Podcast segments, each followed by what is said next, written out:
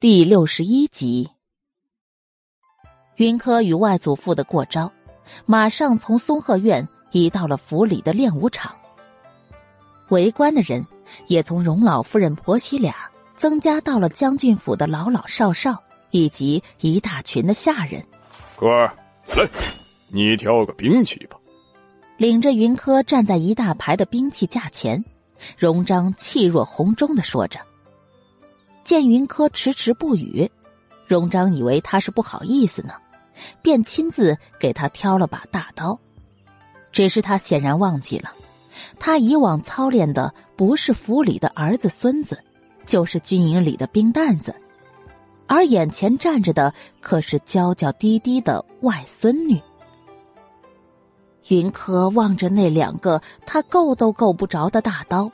嘴角狠狠的抽着，欲言又止。荣琪一时没忍住，刚让小厮端来喝进嘴里的茶水，立即就喷了出来。站他旁边的荣成承受了些许的无妄之灾，正想嫌弃两句，再见到云柯脸上的一言难尽后，顿时闷笑不已。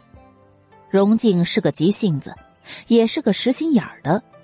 当即便扯着嗓子朝自家老父亲喊道：“爹，那把大刀可有一百多斤呢！可儿他……”只是话还没说完，就被自家老爹给瞪得不敢再说话了。拿不动三个字卡在喉咙里出不来。倒是云柯看到了外祖父的尴尬，浅浅一笑，解释道：“这大刀更适合马上作战，我们近身作战。”不如选个轻便的。对 对对，科儿你说的是啊。荣章在老伴和儿媳孙子面前丢了一个老脸，此时外孙女给了台阶下，哪里还有不顺着下的？只是这回他没有再擅作主张，而是聪明的让云柯自己选。云柯倒也没客气，直接从兵器架上选了一根齐眉棍。这一举动又是引得大家惊讶了一番。见荣章似乎有些奇怪，云柯便解释：“啊，外祖父常年征战，擅长长矛长枪。再说了，外祖父可是男子，力道上远胜于我。我无论是选长剑还是长鞭，都无法与外祖父相抗衡。唯有这齐眉棍能稍稍抵挡。”其实云柯想说的是。兵器架上所有的兵器都适用于男子，唯一的长剑可以男女通用，可他偏偏又是不擅长使剑的。恰好在师傅的书房里看到过一套棍法，此时只能拿来用用了。荣章点点头，祖孙二人便开始比试。不得不说，荣章毕竟是身经百战的。无论是进攻还是防守，都是无懈可击。云柯年纪小又力道小，所以难免有些吃亏。但好在他的轻功更胜荣章，又因为身形小更为灵活，所以输的也不算是太惨。一番比试下来，众人看得很不过瘾，特别是荣琪第一个跳出来嚷嚷道：“哎，哥儿，再来一场呗！”如果你能赢了祖父，那我院子里的东西随你挑，如何？荣静狠狠的在他头上敲了一下。你祖父多大？你科儿妹妹多大？这实力相差太过悬殊，如何能赢？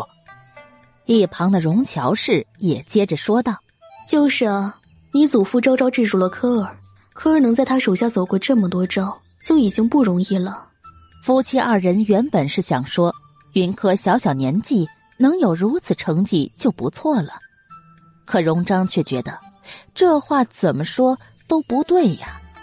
他比科尔年纪大很多，身量也更高更壮实，所以才赢得这样毫无悬念。也就是说，他在仗势欺人，以大欺小。这么想着，荣章一张老脸顿时黑的不能再黑了。可偏偏荣静还不知道。继续说道：“哎，父亲也真是的，科儿才十二岁，明知道的结果你还出。”第六十二集，一旁的荣成实在是看不下去了，他终于明白为何父亲会说要他以后照看二叔一家了。你们的意思是说我老头子跟科儿一个小姑娘过不去吗？荣章从比武台下来，阴恻恻的问向荣静夫妻二人。可荣静却没看到自家老爹的黑脸，极为耿直的回答道：“也不是说跟科儿过不去，只不过这结果是明显确定了的呀。爹还真是……”荣琪拉了拉自家老爹的衣袖，朝他使眼色，可荣静极为嫌弃的甩开他的手，准备将话说完。就听到一个更为阴沉的声音响起：“说，继续说，你爹还真是什么？”这下荣静总算是明白了，有些僵硬的转过头来，果然就看到了老爹一张脸风雨欲来。“哎，爹，我我的意思是说，什么都不用说了，老子也好久没操练你了，走。”今天不把你操练的哭天喊地，我就不是你老子！说着，就一把将荣静给拉到了比武台上。荣琪很没良心的哈哈大笑，荣成笑得极为内敛，但若仔细看，便能发现他的肩膀正一抖一抖的。从台上下来的云柯也是憋了一肚子的笑，他倒是第一次看到外祖这样的一面。可儿，想笑就笑，别憋着。我们家这样的一幕啊，时常发生，你多住些日子就习惯了。荣琪很没良心的揭露事实，那神情一点儿也没有觉得羞涩，反倒是有几分沾沾自喜。云柯抬头看向一直没说话的大舅夫妻，见他们果然一副司空见惯的模样。就连二舅母也是看热闹的神情，他终于是明白，这将军府的家风如此。如此一想，云柯脸上的笑容又多了几分。半个时辰后，荣章终于是结束了操练，极为鄙视的将儿子数落一番，才走下了比武台。今日的比试也算是结束了。洗漱一番后。荣章对云柯今日的比试点评：柯儿姐底子不错，比起你娘当年更要厉害几分。灵山蓝衣果然名不虚传，你尚且年幼，等有了实战经验，会更为精进的。你外祖父可不会轻易夸人，就连你成哥哥都没有得过这样高的评价呢。见云柯似有不解，荣尘氏凑近他身边，小声嘀咕道：“啊。”谢谢外祖父，科儿会继续努力的。却听荣老夫人不赞同的声音响起：“柯姐儿，你可别听你外祖父的，你马上就要及笄了，应该分些心思到琴棋书画和女红上面。这个世道对女子本就有些不公平，并不是所有的世家都像是将军府一样。”对进门媳妇不要求女工的，荣章知道老伴儿的话并没有说错。将军府不会同意柯姐低价，那么再不济也是去世家做宗妇的，没有哪个世家愿意新媳妇舞刀弄枪的。想到这里，荣章也就没有再提要云柯精修武艺的话。荣陈氏和荣乔氏却是心思转动。目光在荣成、荣奇兄弟和云柯之间流转，一时间气氛有些尴尬。作为气氛活跃者的荣奇，觉得此时自己是需要站出来的，这样才能体现他在这个家里的重要性。于是，他就往老夫人身边凑了两分。祖母，今晚可有花神灯会呢？你说我是带科儿妹妹去见识见识呢？还是带科儿妹妹去见识见识呢。第六十三集，虽然是两个问句，但结果是肯定的。老夫人又岂会不明白他的意思？当即便嗔骂了他一句：“哎呦，你就是个泼猴，闲不住。荣琪当即便笑嘻嘻的应下，也不反驳。果然，就见老夫人继续说道：“去吧，今晚你们三个都去。有陈哥在，我才放心让你科儿妹妹去。不然就你这泼性，我可不同意。”祖母放心，孙儿定会护好科儿妹妹的。哼，祖母就是偏心。明明我也可以保护好科儿妹妹的。见祖母特意点到大哥，荣琪故意哼哼，那模样像极了吃醋的孩子，逗得荣老夫人又是一乐，转头不理他，然后拉过云柯的手嘱咐：“有什么事，你要找你成哥哥。玩的开心点儿，别的事情不要去想。”你是将军府的小姐，外祖父外祖母定不会委屈了你。云柯心思流转，他向来是个聪慧的，总感觉似乎刚刚的话题中有什么他不知道的东西被定下来了一般。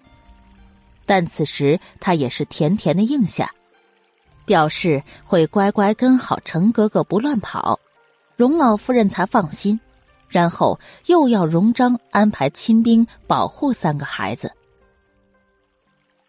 待云柯和荣成兄弟两个离开松鹤院，一直没说话的荣玉突然开口道：“柯姐儿是妹妹唯一的血脉，以定国侯府的尿性，想来也不会太为她的亲事思量。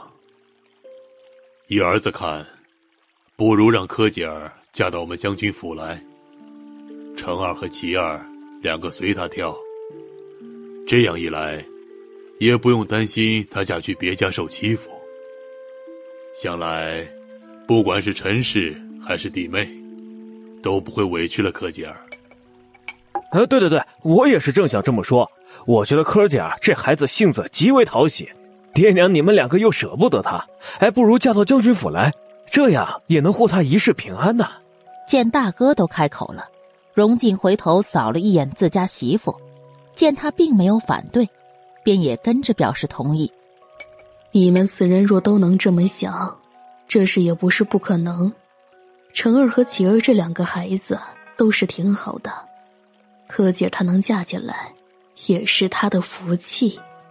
荣老夫人显然也是同意这个做法的，倒是荣章一直沉默着，见所有人的目光都落在他的身上。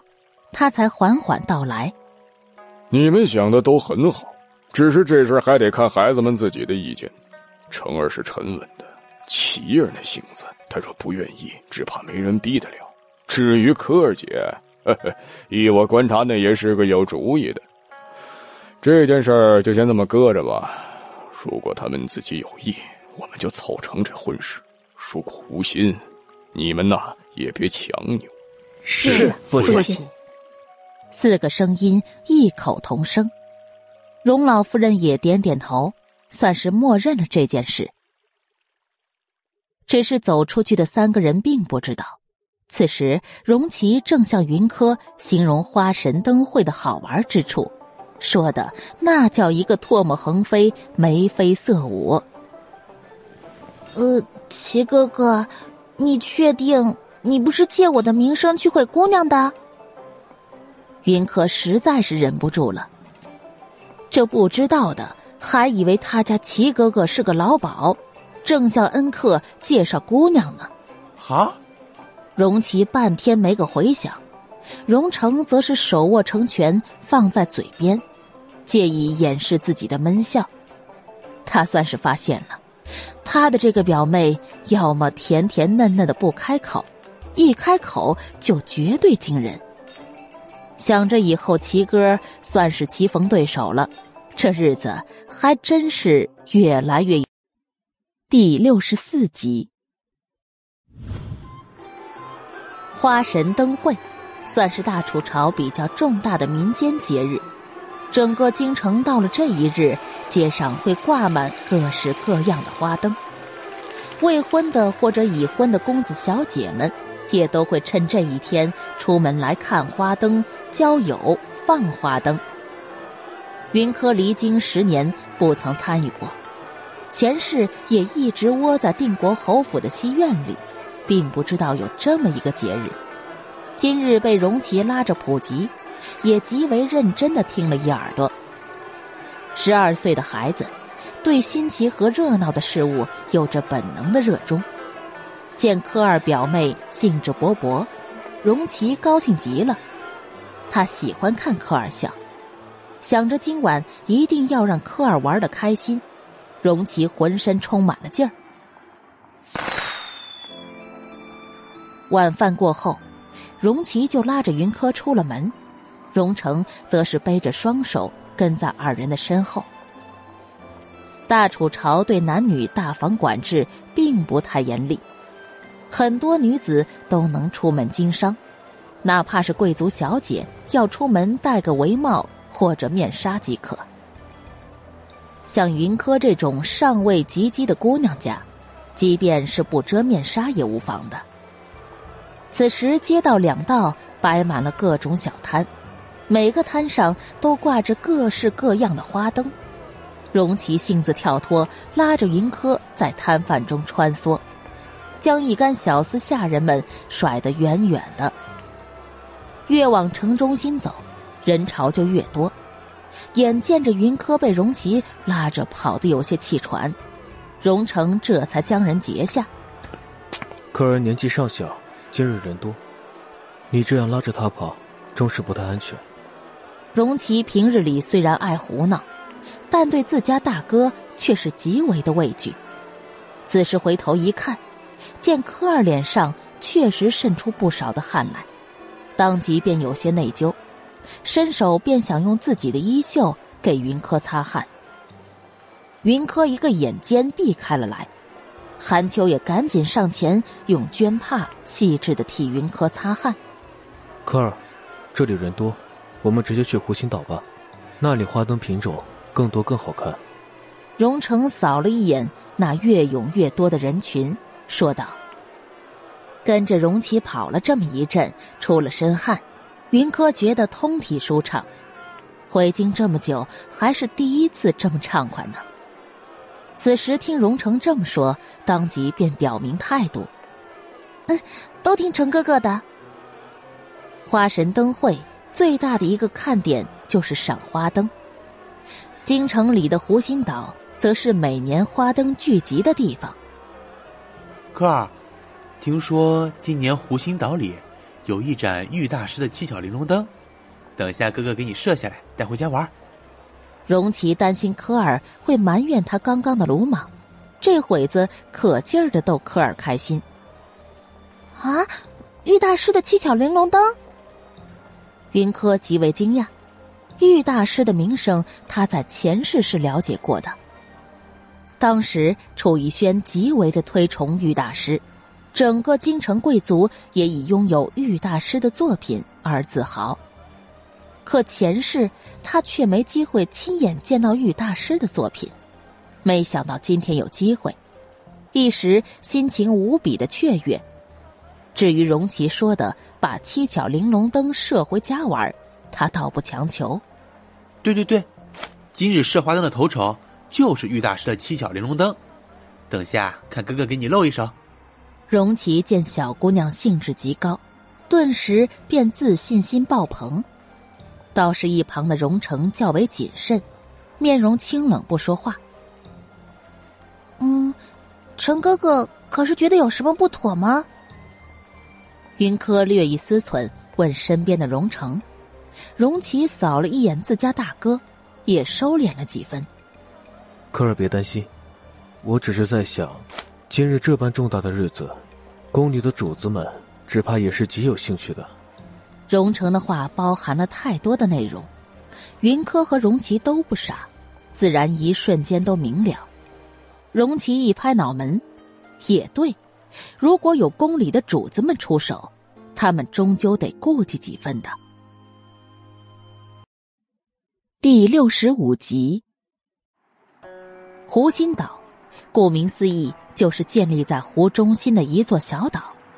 岛上有数座凉亭相连，回廊贯穿，凉亭与岸边以数道水榭相连，是京城有名的风景优美之处。云柯远远的看着湖中央，只见岛上的凉亭里已经挂满了花灯，水榭里满是前往的人群。他的身后，荣成、荣奇兄弟两个宛如护身使者一般紧紧跟着。三人容貌出众，哪怕是在人群中也是极为惹眼的。科儿，猜猜我是谁？荣奇一时兴起。从旁边的小摊上拿起一个面具遮在脸上，然后朝云柯靠近。云柯失笑，这是怀疑他的智商呢，还是怀疑他的智商啊？眼见着旁边的荣成都有些想扶额，云柯清了清嗓子，故作一本正经思考了一会儿，然后才缓缓说道：“嗯嗯，唉。”让我想想看，这到底是谁家的俊公子呢？哎呀，这不是风流倜傥、人见人爱的荣二少吗？啊！哈 哈说完，还不忘笑得一脸灿烂。细巧精致的五官，即便是尚未长开，也早已经现绝色之姿。这如春花吐蕊般的笑容。更是轻易就能闪花人眼。荣成目光更深沉了几分，倒是荣琪见云柯一下子猜中，略有几分失望。但是想到柯儿居然夸了他好几句，顿时便有些飘了。哎，对，本少爷就是风流倜傥、人见人爱，没错，就是这样的。那自恋的模样让云柯终于是笑出声来。他还真不知道，原来齐哥哥是这样厚脸皮的一个人。好了，别皮了，我们带柯儿去那边看看。荣成手握成拳放在嘴边，轻咳了一声，抬了抬下巴，示意湖中小岛的方向。荣琪哦了一声，表示没意见。兄妹三人带着下人便往那边挪动。臣女秦如给王爷请安。人群中，云柯似乎听到这么一道声音，抬头，果然就见到了前方不远处，秦如正一脸娇羞的朝一人行礼。只见那人一身白衣，手中折扇轻轻晃动，眉目如画般，远看似如玉公子。云柯全身一震，袖中的十指紧握，神情一瞬间绷紧。他认出那人是楚逸轩，大脑来不及思索过多，身体在第一时间做出反应，改变原本的前进方向，迅速的往旁边挪动。楚逸轩听到秦如的请安，当即转过身来，却是一眼看中了人群中荣成兄弟。兄弟两个身形高大，让他轻易的就能将他们。与路人区分开来，在两人中间，有个身形窈窕、微低着头的姑娘。楚逸轩几乎在第一时间猜出她的身份来，心头泛起喜意，不顾身边的秦如，大步朝荣成三人走来。没想到能在此见到荣少卿，还真是幸会。下官见过六王爷。身为大理寺少卿，荣成见到六王爷以下官相称，并不为过。但荣琪和云柯却是白身，所以只能以草民见礼。草民见过六王爷。兄妹两个异口同声，可楚逸轩的目光却只落在云柯的身上。将军府寿宴已过去数天，可楚逸轩发现。自己这些天来想的最多的就是这位将军府表小姐。那天在将军府发生的事情疑点太多，但他却没办法将所有的疑点都与云柯挂钩。他心中虽有不甘，但对云柯却多了几分审视。今日相见，只见小姑娘穿着粉紫色长裙，腰间盈盈不足一握。虽是年少，但那身段却是极好。这么想着，楚逸轩的目光不由得多停留了一会儿。荣琪原本就对楚逸轩不待见，此时见他的目光一直交在表妹身上，当即便有些气血上涌，正欲上前去对上几个回合，却被大哥给瞪。第六十六集，王爷请先行。荣成朝楚逸轩躬身，做出一个请的姿势，意思很明显，就是不想与他同行。荣奇则是直接将云柯整个人都挡在身后，连头发丝儿都不露一根。楚逸轩看着兄弟二人那默契的动作，脸直接黑沉下来。能在这见到二位荣家少爷也是极巧的，今日本就是赏灯人多才热闹，不如我们同行吧。眼见荣成欲张嘴反驳，楚逸轩似笑非笑的继续说道：“莫非荣少卿不乐意跟本王一道赏灯？”荣成的脸色变了几分。他若答不乐意，那就算是完全的得罪了楚逸轩。将军府一直以来都只忠君。从不参与皇子党派之争，所以才能屹立朝堂。但若他直接得罪了六王爷，以六王爷的性子，将军府只会麻烦不断。可若让他在明知道楚逸轩有可能对科二表妹心有恶念的情况下，还将表妹给推出去，他也做不到。荣成一张脸明明灭灭的，纠结不已。荣琪见大哥为难，眉头也紧皱了起来，面色冷了几分。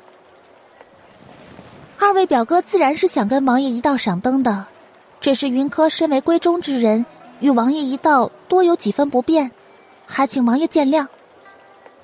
人群中，云柯的声音清冷淡漠，与他在荣成兄弟面前的娇气可爱不同。此时的他全身弥漫着冷漠。看向楚逸轩的目光里也满是疏离。云三小姐这话诧异，王爷乃品性高洁之人。再说今日本来就是个喜庆的日子，大家出来赏灯看花，随性开心就好。云三小姐这话说的，我们王爷好像能把你怎么了似的。秦如瞪着眼睛恨恨的说道，他主动的向六王爷打招呼。可是六王爷连个正眼都没给，反而是越过他来向云柯三人打招呼。她是女人，而且还是直觉很灵敏的女人。那天在将军府，他就发现云柯在时，六王爷的目光就一直落在他的身上。这不是他想看到的。他跟六王爷都已经有了肌肤之亲。这六王妃的位置，他要定了。现在听云柯以女子归玉为由拒绝六王爷，他顿时就来了脾气，也顾不上他其实跟云柯并没有什么来往。云柯听到他的那句“我们王爷”，神思有些飘远。前世秦如在后宫，他一人之下，万人之上，平时最喜欢的事情就是给他添堵。嘴里也经常是我们皇上如何如何的。此时再听秦如的话，云柯却是突然有些想笑，稍稍收敛，才压下心里的嘲讽之意，极为真诚的补充了一句：“秦大小姐蕙质兰心，与六王爷极为般配呢。”自然是般配的，男的扎的彻底，女的贱的无敌。如何能不般配呢？这话听在秦如的心里，却是极为的微贴。他当即得意的朝云柯一笑，然后又靠近了楚逸轩几分。秦如原本也是大美女一枚，若放在平时，楚逸轩肯定会乐意接受她的靠近。但此时他明显的感觉到了云柯话里的嘲讽之意，对于秦如的靠近。楚逸轩不着痕迹的后退了两分。云柯仔细观察着，嘴角冷笑的弧度却是更为明显。是君言讲故事第六十七集。远处街边阁楼上，楚天阙正软弱无骨的窝在躺椅中，右手手指屈起，轻轻的敲击着椅子扶手，一直关注着事态的发展。若有似无的目光一直落在那个紫衣人的身上。习武之人眼力向来是好的，从他的角度，堪堪可以看到小姑娘脸上的表情，特别是将她嘴角的嘲讽看得一清二楚。楚天阙突然觉得心情大好，虽然听不清他们说了什么，但他就是觉得，他的好六弟在小姑娘这里。并没有讨到好处。荣成带着荣琪和云柯，终究是跟在楚逸轩的身后上了那湖心岛。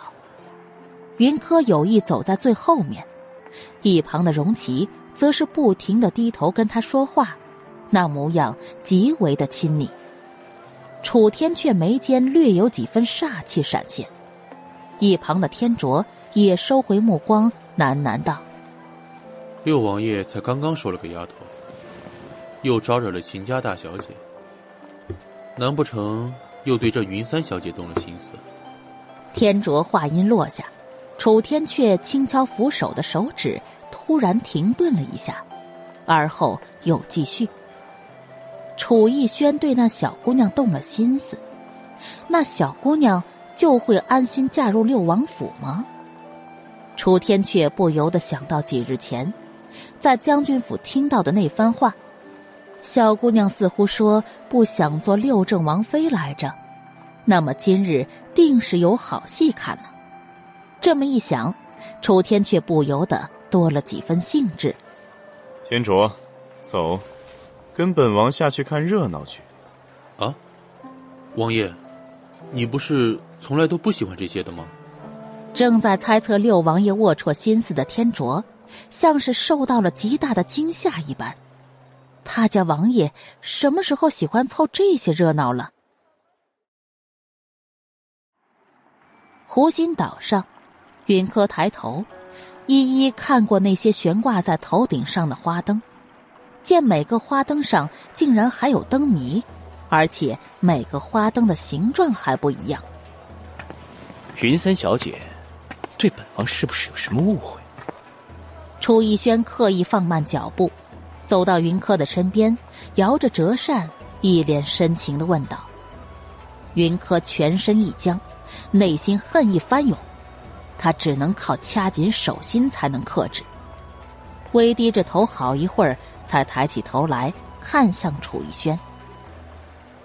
只见他今日头顶玉冠，面色俊朗，若不是知道他内里的黑心子。”只怕云柯都要道一声“好俊的儿郎”。楚逸轩一直在观察云柯脸上的神情，见他抬头看自己，眼里有着明显的惊讶，顿时多了几分得意。他就说嘛：“凭他的相貌身份，岂会连个十二岁的小姑娘都迷不住？”上次在将军府，本王就觉得小姐聪慧可人，一直想与小姐亲近亲近。见小姑娘对自己目露欣赏，楚逸轩当即便决定加一把火。他就不相信自己表露的这么明显，这小姑娘还不动心。要知道，平时那些个贵女，得他一个眼神都能扑上来。啊，六王爷还请自重，云柯尚未及笄，却也知羞耻。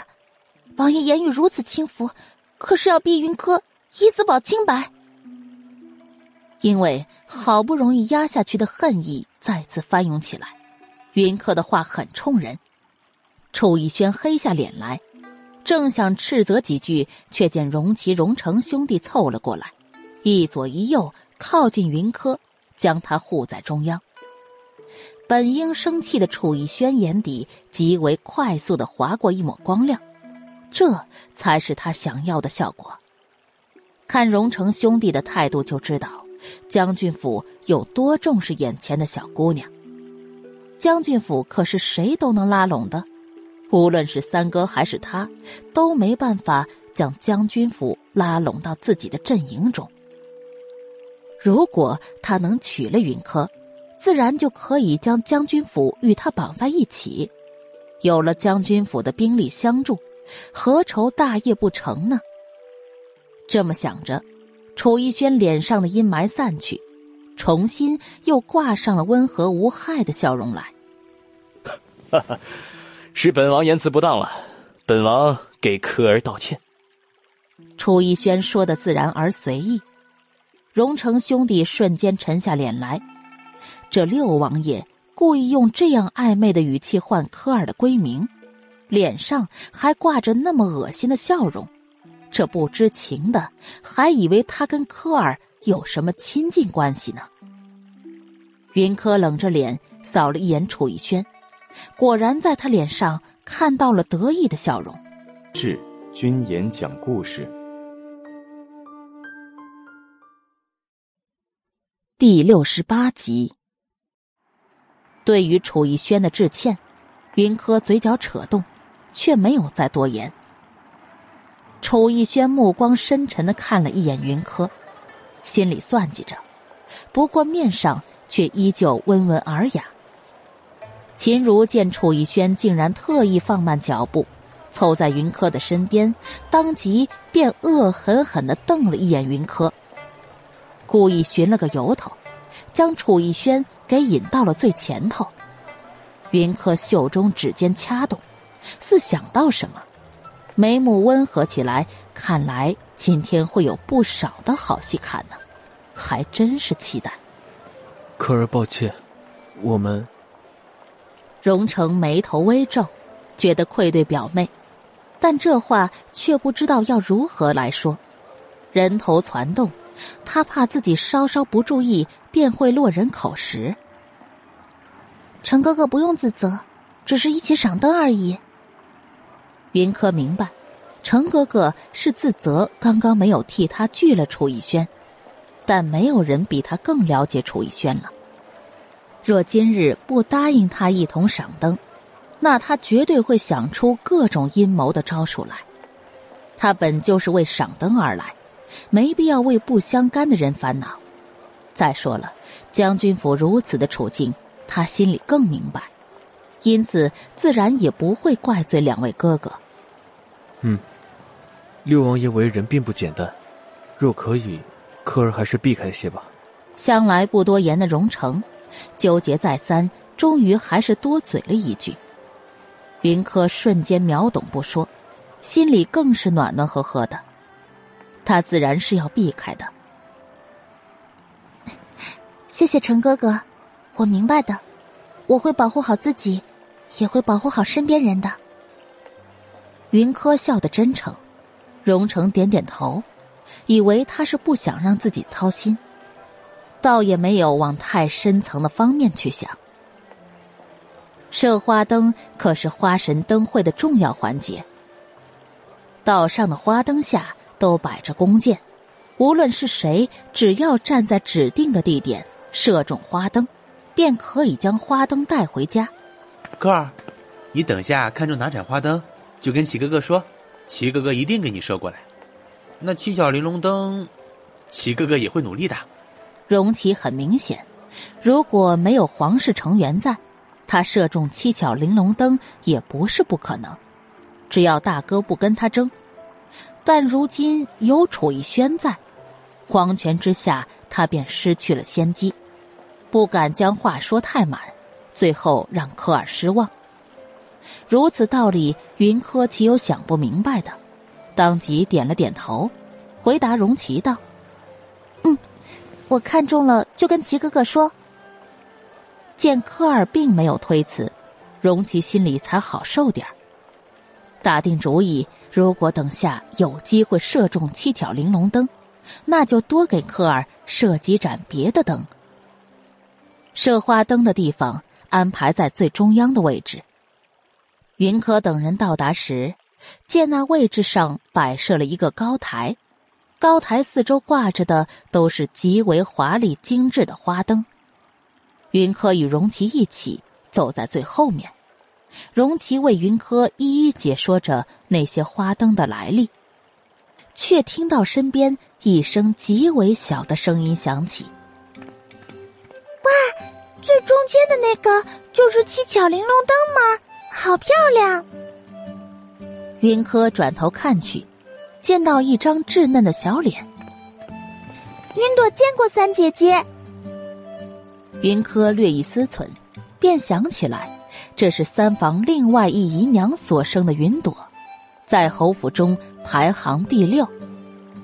云柯点点头，算是应了云朵的见礼。你跟大姐姐一起来的？是的，老夫人说今日有灯会，要我们都出来走走。云朵拘谨的回答着，言行间也都是小心翼翼。云柯抬头看向云朵刚刚示意的方向，果然就见云芝已经和秦如会合了，两人正围着楚逸轩说着什么。云芝身边远远的跟着大房的几个庶女，云柯若有所思。云芝将大房的人带在身边，三房的云朵。却独自一人被挤落在外，这云芝是没注意到，还是有意为之？是君言讲故事第六十九集。见云朵那诚惶诚恐的模样，云柯也不至于跟他一个小丫头为难，当即便让他跟着自己一起。谢谢三姐姐。云朵感激的道谢，在荣巧的高强压下，他姨娘并不得宠。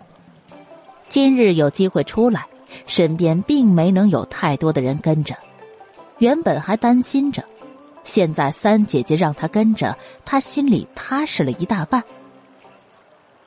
云柯给韩月递了个眼神，要韩月关注一下云朵的安全，然后便将注意力。再次放到头顶的花灯上。哇，王爷太棒了！突然，人群中传来秦如喝彩的声音。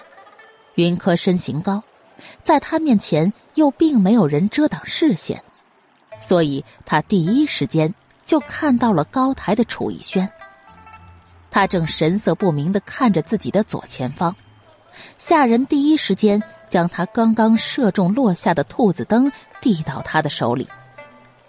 离原本挂兔子灯的不远处，七巧玲珑灯仍然摇曳生姿，引人注目。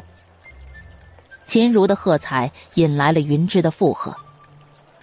云柯就见到楚逸轩脸色稍霁，准备吩咐兔子灯送给云柯，却见云柯远远的看着他，眼里有着他看不明的冷意。心思一转。楚逸轩便让人将那盏兔子灯送给了秦如。众目睽睽之下，秦如受了这盏灯，当即高兴的如同骄傲的公主一般。碍着楚逸轩的面子，云芝也只能恭贺秦如，但心里却硌得更厉害，暗道：莫非之前云柯说的都是真的？这秦如马上就要入主六王爷宫中了，不成？切，不就一盏兔子灯而已吗？好像别人没有似的。一个尖锐熟悉的声音响起，云柯回头一看，只见云商手里正提着一盏精致的兔子灯，站在他不远处，在他身边还站着一个白皙的少年。见云柯看来。云商当即便高昂着头，故意将手里的兔子灯往上提了提。我虽然不如秦大小姐有王爷相赠花灯，但我有诺哥哥送我的，也是不错的。云商沾沾自喜，脸上的羞意很明显。云柯的目光再次落到身边的少年身上，确认他就是容诺，心里划过一丝明了。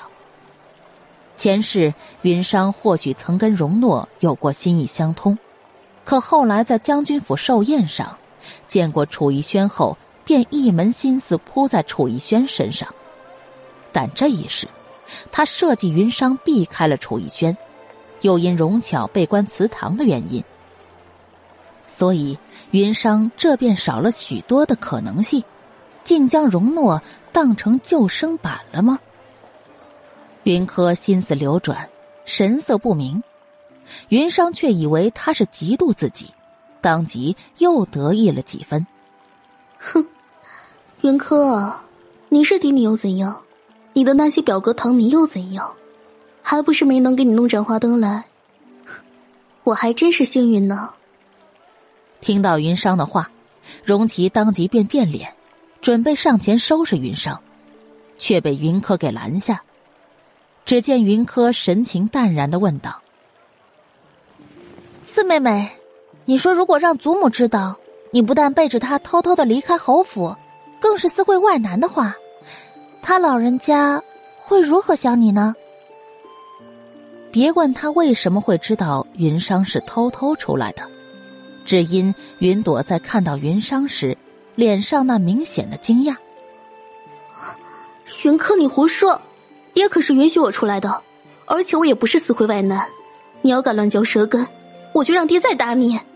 云商说的理直气壮，一点儿也不觉得自己这么说有什么不对。但荣琪却是听不下去了，他将云柯给护在身后，往云商面前一站。是君言讲故事第七十集。你倒是让云玉再敢动科儿一下试试。上次听到科儿被云玉打，要不是被祖父拦下，他早就打上门去了。此时云商再提，摆明了就是不将将军府看在眼里，他又如何能忍呢？云商被荣琪这凶神恶煞的模样吓得往后一退，直觉的就往容诺怀里躲。容诺是二房长孙，不错。但却也只是个吃喝玩乐之人，又哪里能与荣琪相比？七哥，商儿妹妹她……你给我闭嘴！看到荣诺，荣琪的怒气更甚。他跟这小子的私仇还没算清呢，他还敢替人出头？于是荣诺还真就马上闭嘴，不再多说一个字了。云商见容诺竟然如此的没用，很是不满意，跺着脚撒娇，却见容诺后退了几分，自觉被云柯看了笑话。云商目露凶光的看着云柯，只是云柯一抬头，四目相对的刹那，他却是极为恐惧的收回了自己的目光，然后又往容诺怀里缩了几分。这么一瞬间的功夫，楚逸轩又射下一朵莲花灯来。就在云芝以为他会送给自己的时候，他却直接从下人手里接过莲花灯，走到云柯的面前。柯儿，这个送你。没有以云三小姐相称，而是极为闲暇的柯儿。楚逸轩这话一出，不仅仅是秦如。就连云芝都是突然变了脸色，看向云柯的眼里有着明显的情绪波动。荣成冷着脸，荣琪则是上前一步，将云柯挡在身后。六王爷，柯儿想要什么花灯，自有我们兄弟二人去设下，不劳王爷费心啦。窈窕淑女，君子好逑。楚逸轩依旧微笑看着云柯。眼里深情款款，那盏莲花灯就这么提在云柯的面前，其暗示意见不可谓不明显。荣琪觉得自己的一口气被哽在喉咙里，出也不是，进也不是。若不是身后云柯拉着，他早就冲上前去揍楚逸轩了。荣成的脸色也极为不好看。就在这时，一道懒洋洋的声音传来：“几日不见，六弟，你这武艺退步不少啊！”身后的人群突然自动退开来，听见响动的云柯一转身，就看到了万家灯火下楚天阙正缓缓走来。华丽的深紫色蟒服将他修长挺拔的身姿衬托得更加引人注目。精致惑人的脸上，此时正挂着嘲讽不屑的表情。明明一样的头戴玉冠，楚逸轩是温润如玉的形象，而他却偏偏多了几分邪魅和张狂。云柯一时看的都有些出神，更何提路两旁的那些女儿家们。三哥这话是何意？楚逸轩面色阴直的扫了一眼云柯，才阴沉的开口道：“原来六弟不光是武艺退步，这脑子也是越发的不好使了。”楚天阙说的云淡风轻的，一点儿也没将楚逸轩的黑脸看在眼里。只是他这话一出，荣琪第一个没忍住笑出声来。见楚逸轩转瞪他，他当即解释道：“嗯，不好意思，一时没忍住，抱歉，接下来会小心的。”说完，还不忘朝云柯眨了眨眼，笑得那叫一个灿烂。他是不能拿楚逸轩这个王爷怎样，但三王爷出马，向来不会放虚枪的。楚天却凉凉的扫了一眼荣琪，见他正对小姑娘笑得见牙不见眼，当即眼神又深了几分，转头对着楚逸轩说出来的话又多了几分阴森。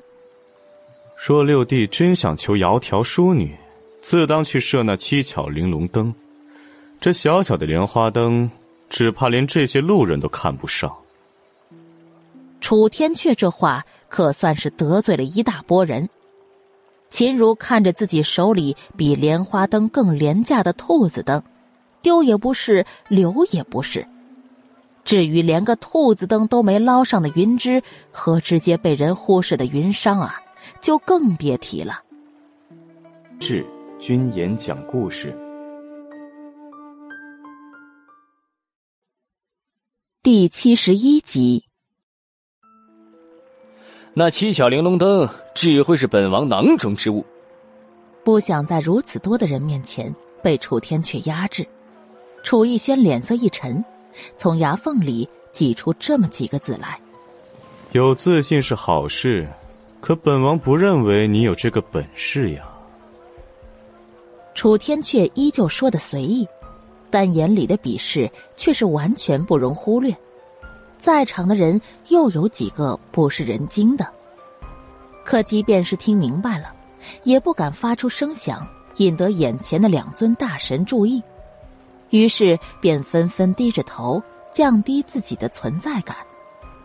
云柯也一样，只是目光时不时的扫过离他不远的楚天阙，心里吐槽着：若论毒舌，这世间只怕无人能与楚天阙相比了。那三哥今日可敢与本王一比？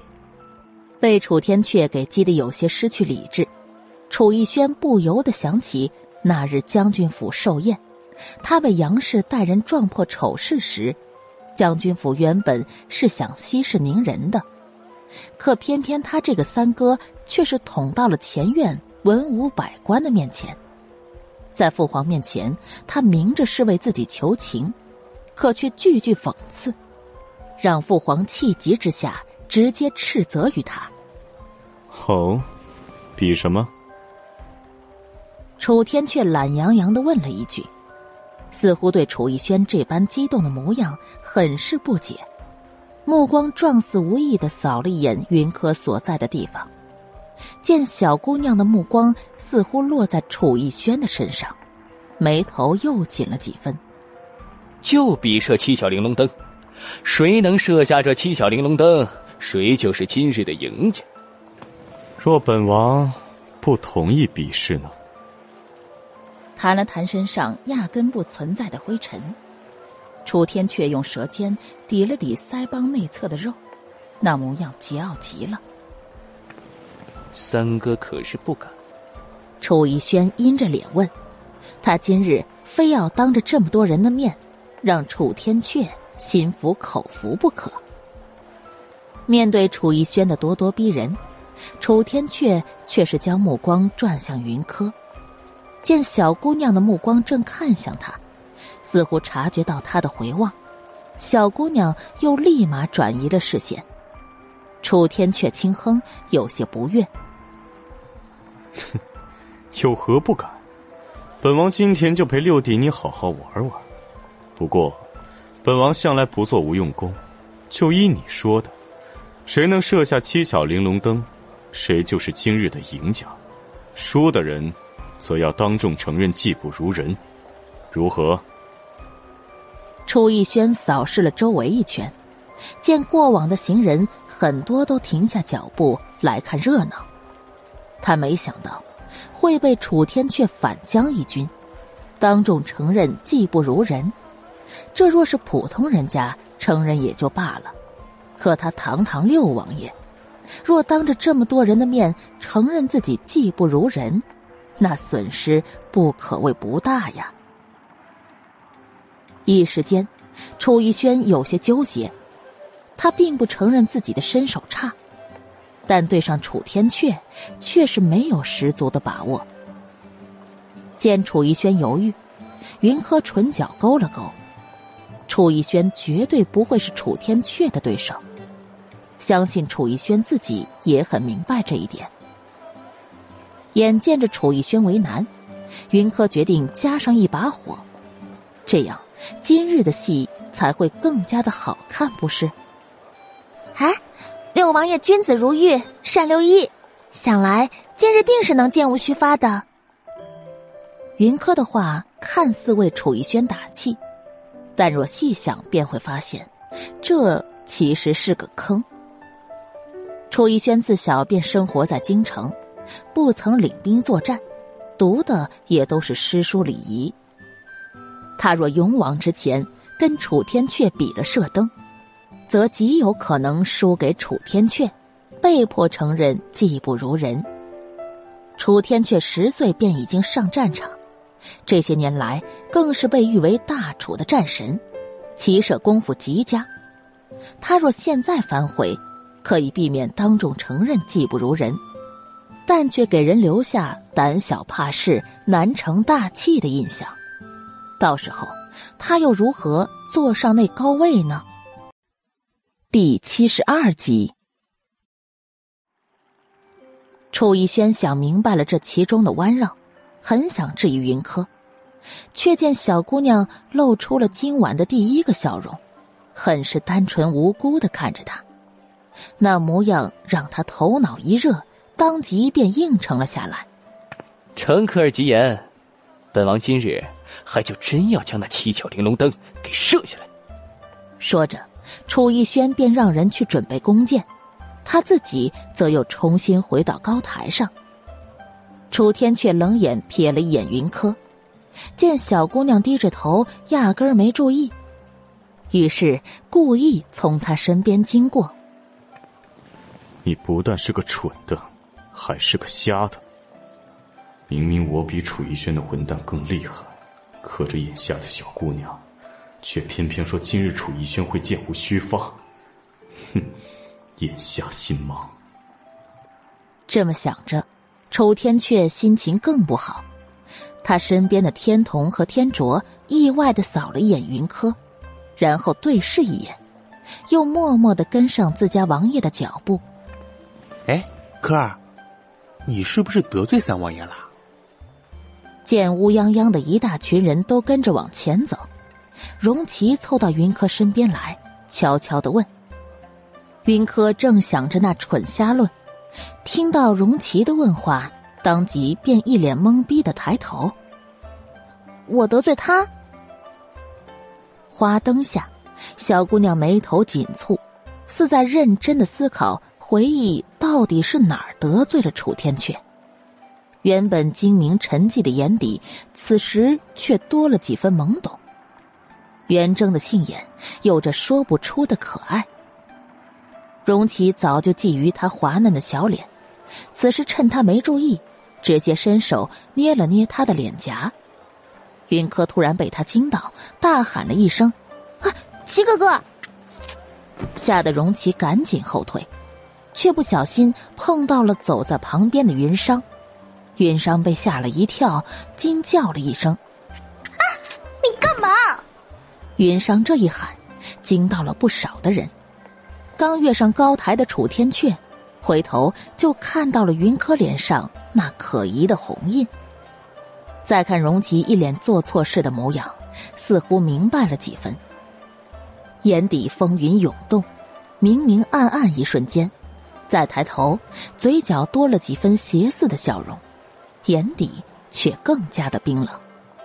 干瘪的丑丫头，一点都不可爱。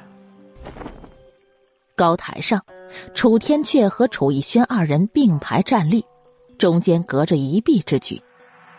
因为楚逸轩之前就让人下去安排，此时一身着青衣的中年男人，举着托盘送上来两张弓，还有几支箭羽，简单的说明每人三支箭。连发三箭，中灯者为胜。三哥为长，你先请吧。楚逸轩朝楚天阙做了个你先请的姿势，可目光却紧紧的盯着楚天阙的手，那模样生怕楚天阙会首先出手。一旦楚天阙抢先出手，有了前面三次机会射下七巧玲珑灯，那他就没希望了。轻轻的扫了一眼楚逸轩，似乎将他心里的盘算都给看在了眼里。楚天却冷嘲的扯了扯嘴角，极为痞气的说了句：“哼，反正你也射不中，你先来吧。”楚逸轩被他的话噎得面色铁青，但也没有拒绝楚天阙推让出来的机会，毫不客气的拿起托盘上的弓。就朝七巧玲珑箭射去。秦如小声的为楚逸轩加油，云芝则是紧张的看着楚逸轩手中的弓箭。箭雨离弦，二人第一时间朝七巧玲珑灯看去，却见那只箭雨触碰到离楚逸轩最近的荷花灯后，便掉落了。楚逸轩阴着脸不说话，云芝在台下小声的安慰道。王爷别急，还有两件，王爷放平心态，定是可以的。云芝的声音压得很低，但楚逸轩却是听到了。他朝云芝看了一眼，见少女脸上满是关心，心里的急躁稍稍缓和了几分。第七十三集，于是楚逸轩又射出了第二箭。比起第一箭的匆忙，楚逸轩的第二箭要远出去很多，并且一连射下了四盏琉璃灯。在秦如的带领下，四周喝彩声一片，楚逸轩面上又缓和了几分，侧手看向楚天阙，却发现他竟然换人送来了一张太师椅，此时正慵懒的躺在太师椅里。半眯的桃花眼，时不时展露出来的风情，就连他一个大男人都有些受不住，更别提台上那些未出阁的少女们了。楚逸轩深吸一口气，却见楚天却鄙视的看了他一眼。楚逸轩只觉得胸口怒气又起，咬牙射出第三箭，剑却在碰到离七巧玲珑灯前面一盏灯时停下。这时，楚逸轩射下来的小灯更多了，却都不是七巧玲珑灯。楚逸轩的脸在这一刻黑得更为彻底。云柯心里大呼解气，悄悄的收回手里捏着的珍珠，又恢复成了淡定从容的模样。青衣中年男子提醒楚天阙，该轮到他来射灯了。只见楚天阙接过天童送来的弓，朝楚逸轩孤傲一笑：“ 多谢六弟替本王扫清前面的障碍。”楚逸轩猛地回头，可不是嘛？他将七巧玲珑灯前的莲花灯、琉璃灯都给射落了。此时高台附近最好的视线范围内，就只有那七巧玲珑灯正在随风摇曳。楚逸轩食指掐进手心，强忍着才能说服自己，努力的挤出一个毫无真心的笑容来。那三哥可不要浪费本王的一番心意。楚天却哈哈大笑着，从太师椅中站起来，往前两步，直接将三支箭羽都拿起，然后拉弓射箭。所有人的目光都紧追着楚天阙的那三支箭羽，在没有人注意到的地方，楚逸轩朝身后某个方向使了个眼色。夜色茫茫中，三枚飞镖从高台的附近射了出去，直追楚天阙的三支箭羽。楚天阙冷笑一声，天卓正要出手，却见自家主子示意他别动。果然，就听到三声一致的“叮”之后，飞镖落下，而楚天阙的两支箭羽同时碰到七巧玲珑灯，第三支箭则是直接射断了七巧玲珑灯的挂绳。天卓直接飞身上前接住了七巧玲珑灯。不知道什么时候起，整个湖心岛的人都集中在这里了，掌声、喝彩声不绝于耳。六弟，本王洗耳恭听。楚天阙笑得肆意张狂，一手捧七巧玲珑灯，一手背在身后，气势逼人的提醒楚逸轩该履行自己的诺言了。楚逸轩拼命的跟他使眼色，楚天阙却是挑了挑眉，装看不懂。楚逸轩只得上前两步，凑近他几分。低声说道：“三哥，本是同根生，我若今日失了颜面，想来三哥也是脸上无光。”嗯，六弟，你是不是误会了什么？本王与你本来就不熟，虽是同出一脉，但你似乎忘了，我们向来是敌对关系。你丢了脸，本王只会更高兴的。一点儿也没有将楚逸轩的威胁放在眼里。楚天阙脸上的笑容出奇的明显，原本就近乎妖孽的脸上，此时更是增加了几分光彩，让高台下的一众少女们瞬间失了魂儿。楚逸轩食指紧握成拳，一张脸瞬间涨成了猪肝色，几番吸气呼气之后，终于是转过身来，当着所有人的面承认自己技不如人。三哥，这下你满意了吧？那模样说的，好像是楚天却逼迫了他一般。台下的荣琪终于是忍不住了，轻声的嘀咕着：“操，这分明是丢男人的脸啊！亏他还是个王爷，真恶心。”阿奇，荣成眼里的嫌弃同样的明显，但他却还是出声警告荣奇注意场合。荣奇撇了撇，表示不屑，跟云柯眨了眨眼。见云柯轻轻点了点头，他当即便觉得心情舒畅。科尔就是和他心。第七十四集，眼见着高台下的围观人群一时议论纷纷，楚逸轩浑身的怒气，见楚天却提着七角玲珑灯准备下高台。他提高嗓门问了一声：“三哥可是打算将那灯送给武阳那丫头？”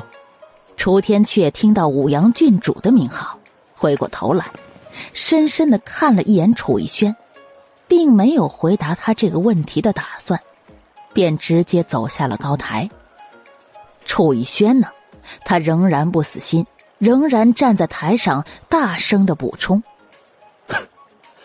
三哥一心为武阳设下这盏灯，也算是用心良苦了。想来武阳定会欢喜的。一时间，台下的少女们议论纷纷。京城里无人不知，洛王府的武阳郡主对三王爷可是一见倾心，再倾许终身啊。只是，之前一直都没有听说三王爷有过回应。现在看来。传言也不一定可靠。这么一想，人群中不少的姑娘家眸光暗下来。毕竟那武阳郡主的身份可不是他们这些人能比得了的。并不是人人都像六弟你这般来者不拒。凉凉的一句话，如同一盆冷水浇在楚逸轩的头上。仔细一想，便觉得楚天阙这话中包含着极为明显的嘲讽之意。笑他堂堂一国王爷，却在主人家的寿宴上宠幸了人家隔房的丫头。楚逸轩冷眼一扫。果然见台下不少的知情人正捂嘴偷笑呢。楚逸轩望着楚天却离开的背影，目光如同淬了毒。云柯一直都站在一个极佳的位置上，欣赏着楚逸轩吃瘪，此刻心里无比的舒畅，因此在荣琪跟他说话时，更是多了几分欣喜。柯儿，你可有看中的花灯？齐哥哥马上替你去射。因为两尊大神已经停止比试，其他人才敢开始行动。此时，荣奇手里正拿着弓箭，兴致勃勃的问身边的云柯。云柯倒也没客气，直接扫视了一圈后，指了一盏做工极为精美的洛神灯，意思很明显，他要那个。那，柯儿。你确定你真的不是故意为难哥哥我的？荣琪哀嚎一声，只因那洛神灯就在刚刚七巧玲珑灯的另一边，也可以说是整个灯会仅次于七巧玲珑灯的存在了。云柯笑眯眯的点了点头，还不忘补充道：“ 齐哥哥，我非常的确定不是故意为难你，而是有意为难你。”说完，还不忘朝荣琪亮了亮自己白皙的小牙齿。荣琪又嚎了一声，然后认命的往前移动。旁边的荣成目光温和的看了一眼云柯，柯儿，你很了解阿奇。云柯眼神流转，确定荣成是明白了自己的意图，当即便回了个娇憨的笑容。他就是故意要荣琪去射那洛神灯的，以荣琪的性子，没能给他挣到机会射七巧玲珑灯，心里肯定是不好受的。一心想着要补偿他，如果他随意的挑了几个不值钱的小灯，那齐哥哥只会觉得他瞧不起他，所以心有不快。倒不如直接让他去射仅次于七巧玲珑灯的洛神灯啊！以齐哥哥的本事，想来也不是太困难。他再表示非常喜欢，夸他几句能干，此事也就至此结束，皆大欢喜。这么想着，云柯便将所有的注意力都放在了荣琪的身上。见他已经站在洛神灯下。略有几分期盼，眼见着荣琪举弓拿剑，云柯看得正认真呢，却被一个高大的身影挡住了视线。是第七十五集，给你。楚天却伸手将灯递到云柯的面前，面色一片冷淡。云柯额角一跳。清楚的感受到，在场所有人，包括楚逸轩的目光都集中在自己的身上。啊！感谢王爷厚爱，只是小女承受不起，还请王爷将灯送给该送的人吧。云柯不着痕迹的往后退了两步，可楚天却是谁？一眼就看出了云柯的拒绝之意，顿时沉下脸来，微眯着眼看向云柯。只见小姑娘此时低着头，一副诚惶诚恐的模样。但楚天阙可是见过他算计楚逸轩的，自然明白他这样子只是装出来的而已。轻哼一声，楚天阙又往前逼近两步。可本王只想送给你。这明明是一句抒情的话，可楚天阙说出来。云柯却是生生的惊出一身冷汗来，他猛地抬头，惊悚的看了楚天阙一眼。见楚天阙正似笑非笑的盯着他，故意的成分很明显。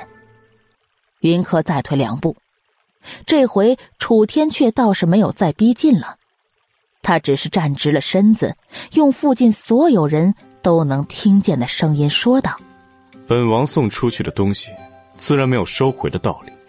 你要不喜欢，扔了就是。”说完，将七巧玲珑灯往云柯手里一放，便大步离开了。这下，云柯是真的为了难。众目睽睽之下，他敢丢这盏七巧玲珑灯吗？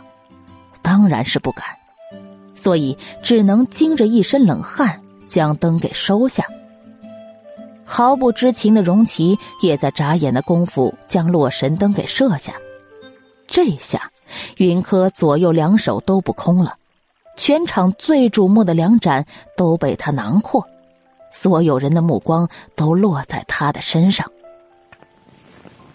这七巧玲珑灯可不是什么人都能拿的，敢跟五阳郡主抢男人，哼！云柯，你可是准备好死法了吗？秦如往前两步，语气凉薄的扫了眼云柯，那目光像是在看一个不知死活的蠢蛋。五阳郡主有多凶悍，京城中无人不知。这三王爷可是五阳郡主看中的人啊！云柯竟然敢收下三王爷准备送给五阳郡主的七巧玲珑灯，这不明摆着是跟五阳郡主对着干吗？想到五阳郡主可能抽烂云柯的这张绝色小脸，秦如觉得心情极好。一旁的云芝也上前两步来，一脸担忧的劝着云柯：“三妹妹。”五阳郡主可不是好相遇的，他跟三王爷青梅竹马，这灯，你还是不收的好吧？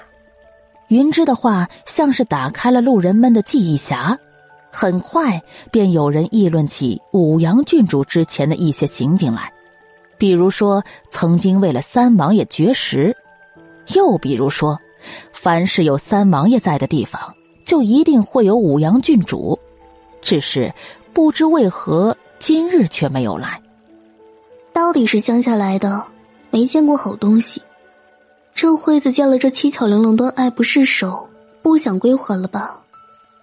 秦如原本以为六王爷怎么着也能把这灯给射下来，那他自然就可以得到机会将七巧玲珑灯给提回家。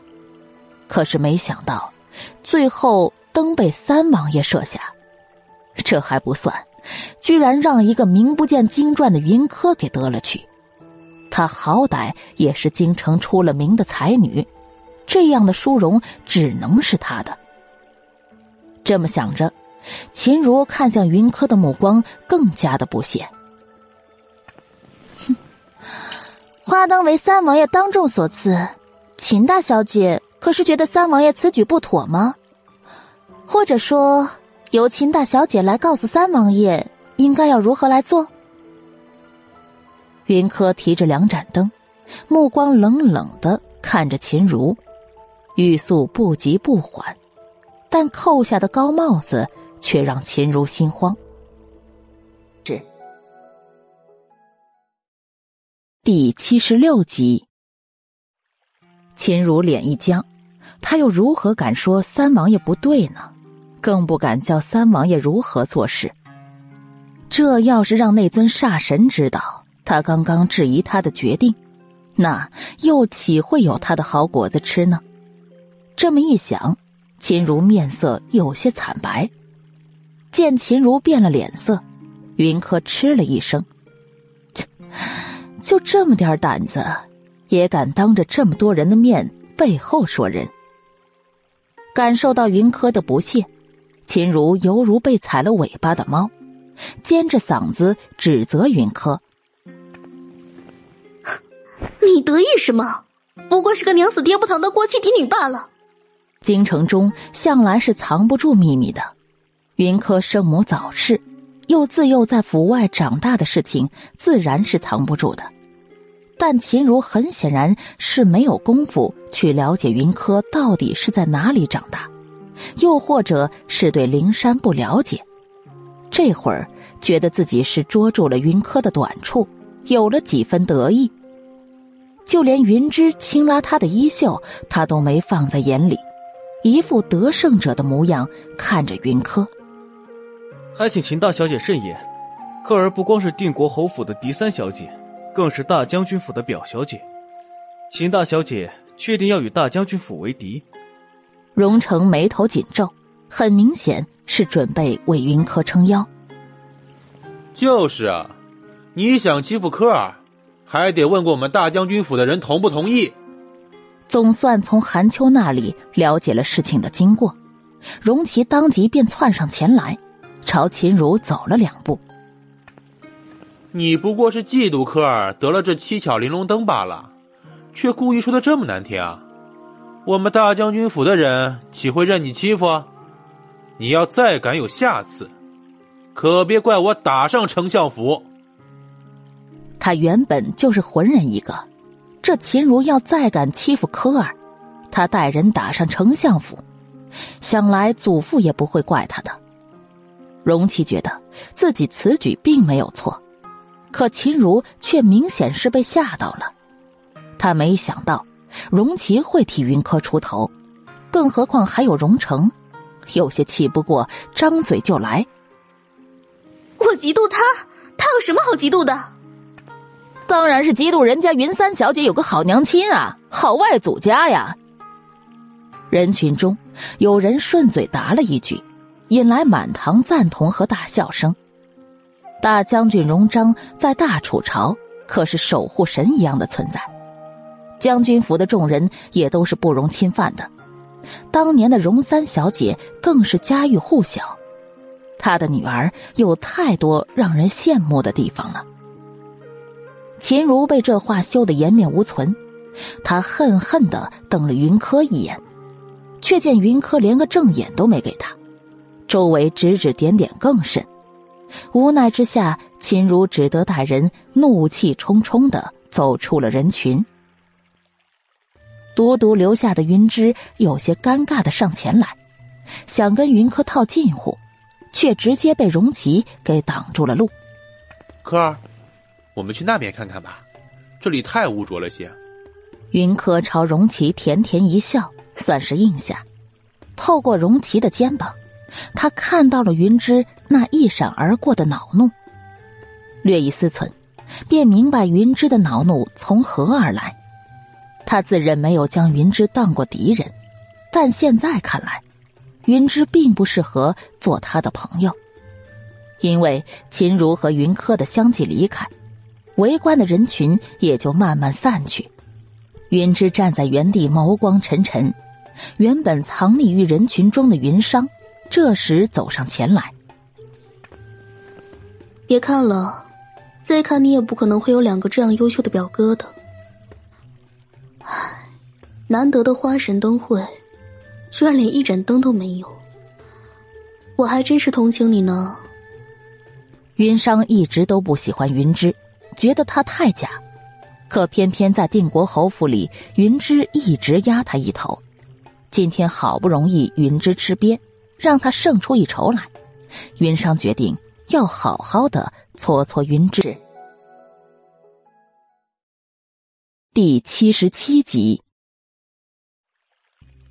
四妹妹说的这是什么话呀？三妹妹有两个这样优秀的表哥，我替她高兴呢。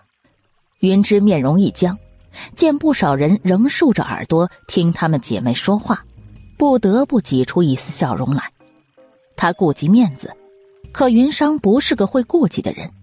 当即便嘲讽一笑，大声的说道：“哼，收起你这假笑吧，我可不信你那套。你现在肯定恨不得掐死云柯吧？人家可是将这灯会上最瞩目的两盏灯都给弄到手了，可是你呢，连盏兔子灯都没有，你不恨才怪。”见云芝完美的笑容出现了皲裂。云商才得意的大笑着离开。诺哥哥送他的灯虽然比不上洛神和七巧玲珑灯，但比起一无所获的云芝来说，那也是高了一筹的，所以他开心的紧。云柯不知道云商和云芝之间发生的事情，此时他正被荣琪护在身边往前走，荣成则是跟在两人的身后。科儿，秦如说的那些话，你不必放在心上。即便是定国侯府不在意你，你还有我们呢。荣琪说的小心翼翼，那模样生怕云柯会因为刚刚秦如的话而伤心难过。在他看来，这样娇娇嫩嫩的小人儿就应该好好的呵护。嗯，我不生气，我有你们呀。这是云柯的真心话，他是真的觉得自己很幸福。经历过很多的事情，重新来过，他心里门儿清。定国侯府那里，他也没再抱过希望。至于大将军府，哪怕仅仅几句话，他都能感受到浓浓的温情。见此时荣琪无比慎重的模样，云柯笑得甜甜的，没有丝毫刚刚面对秦如时的冷冽，倒更像是一个蜜罐里长大的娇气人儿。荣琪准备了一大堆的好话，准备用来哄伤心敏感的亲亲表妹，却发现人家压根没有在意，反而笑得甜蜜。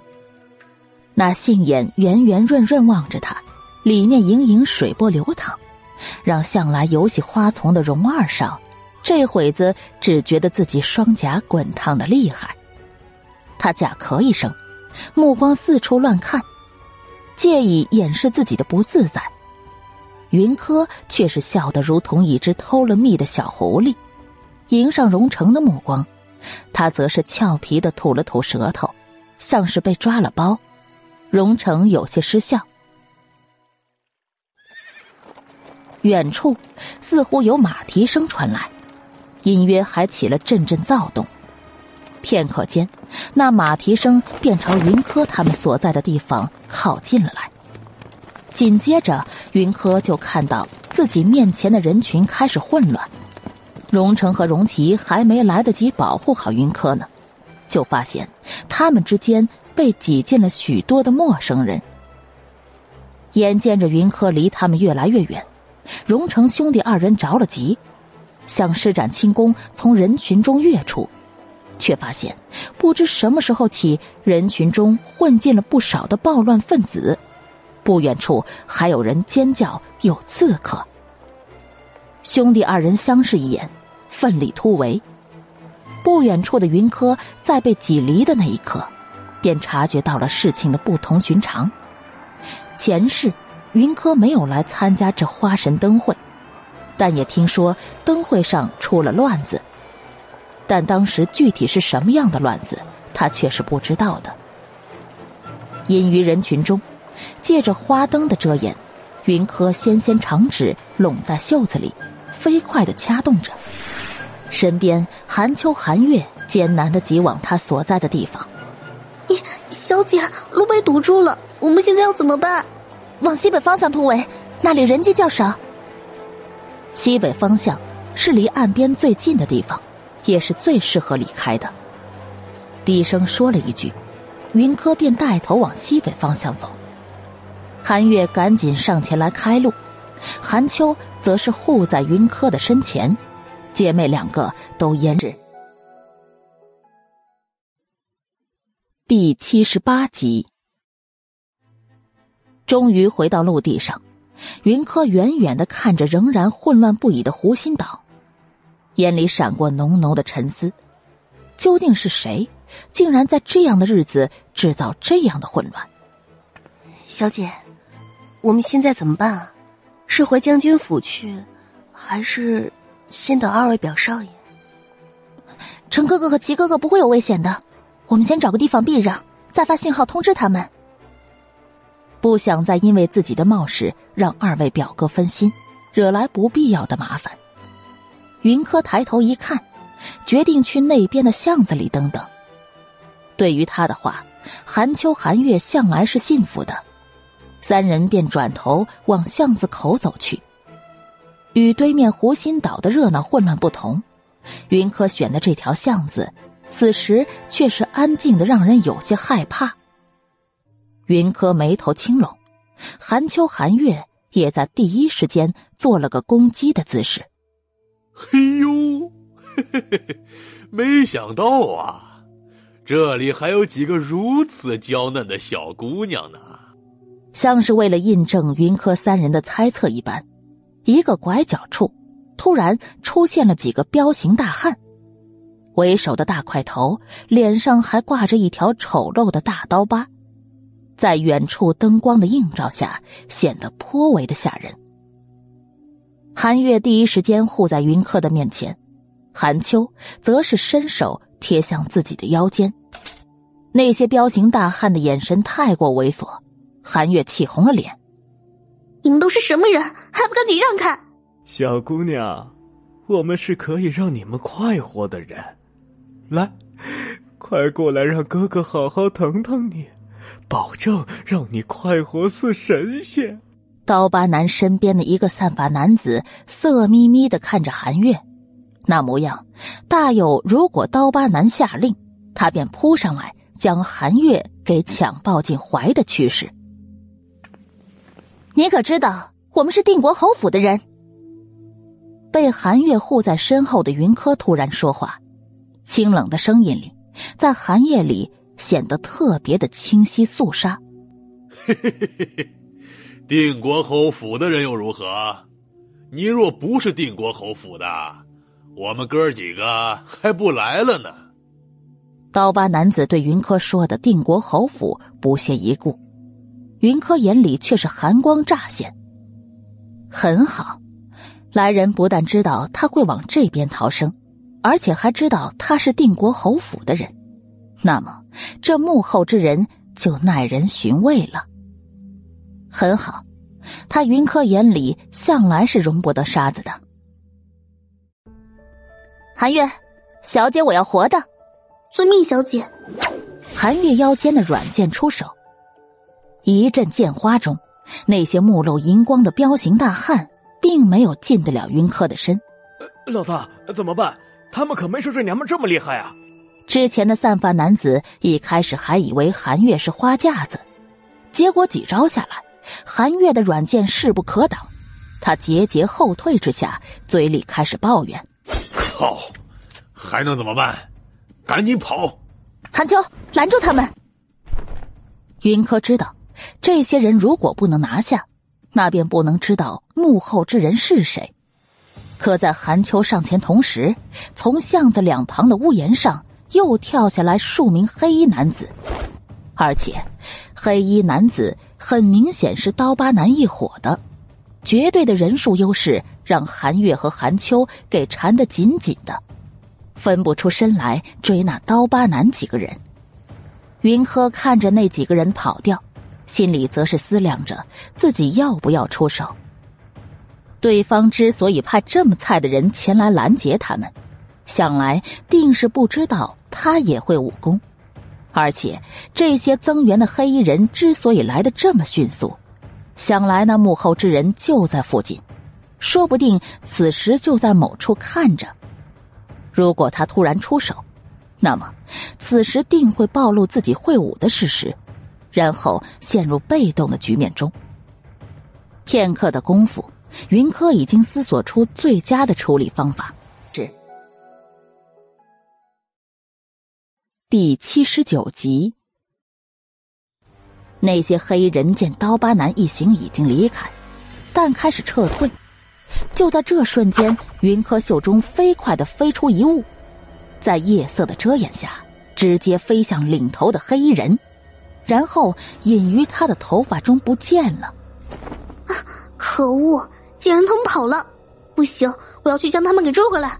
自觉没有完成任务的韩月心情很不好，狂躁的准备追出去，却被云柯制止了。仔细的观看了一下黑衣人逃跑的方向，云柯心里算计着：小姐，这附近似乎还有打斗声。韩秋提醒道。眉间那大大的“川”字显而易见，云柯点点头，嗯，我听到了，而且人数还不少，过去看看。黑衣人逃跑的方向，就是打斗声响起的方向。云柯准备过去查看一下。夜色中，云柯主仆三人轻轻跃上一座极高的阁楼，然后便看到一大群黑衣人正围着一道紫色的身影缠斗。小姐，好像是三王爷。云柯仔细辨认，发现的确是三王爷楚天阙。此时他身边并没有带任何的随从，但黑衣人的数量却依旧在增加。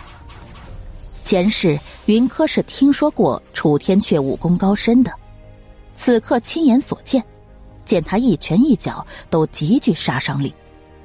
但云柯仔细的观察了一会儿，便发现了不对。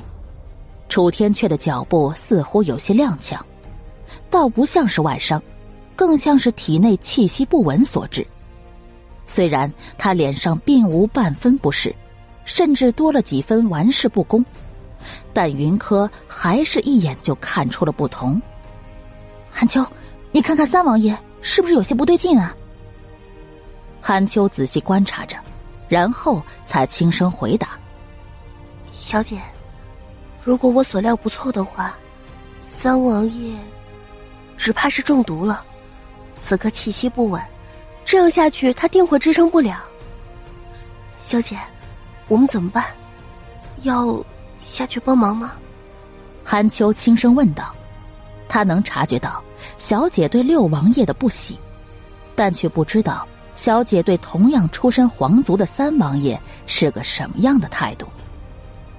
韩秋的话让云柯沉思，因为前世的原因，所以他跟楚逸轩是不共戴天的，也明白与皇室中人没有什么单纯的。这三王爷那绝对是比楚逸轩更加难对付的人，云柯并不想与他沾上关系，可若是就这么袖手旁观，他心里似乎又有些过意不去。细细回想之下。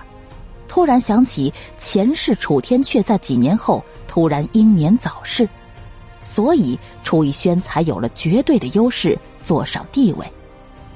这是重来，如果让楚天阙就这样染上病根，那楚逸轩还是有可能一家独大。这么一想，云柯得出结论：楚天阙绝对不能死，也不能落下病根，他要好好的活着。然后去跟楚逸轩斗个你死我活，他才更有胜算弄死楚逸轩。韩秋、韩月下去救人，韩秋，将你那神速丸给他一颗，别让他毒发身亡了。神速丸是韩秋利用灵山的天才宝物配置出来的，能救上百种毒素的救命之药，因为药材难得，所以才更显珍贵。但此时却被云柯拿来救三王爷，韩秋虽然有些诧异，但也照办。黑暗中，云柯转坐到屋檐下的栋梁上，韩秋、韩月飞身而下，加入到战斗中。韩秋找准机会，掏出神速丸，递给了楚天阙：“三王爷，我家小姐有令，请服下此药，可助你解毒杀敌。”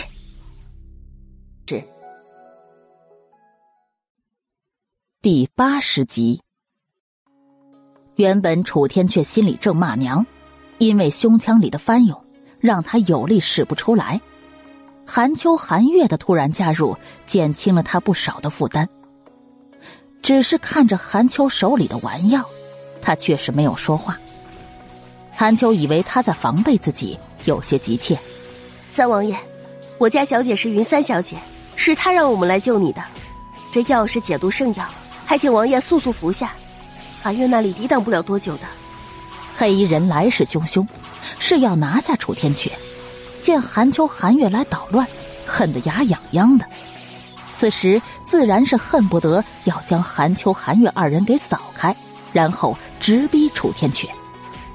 韩秋说话间，有一大半的人都围在韩月的身边，韩月有些应顾不暇。楚天却扫了一眼刚刚韩秋、韩月出现的方向，果然在栋梁下看到了一片衣角。韩秋他自是识得的，当时云柯算计楚逸轩时，他可是个参与者。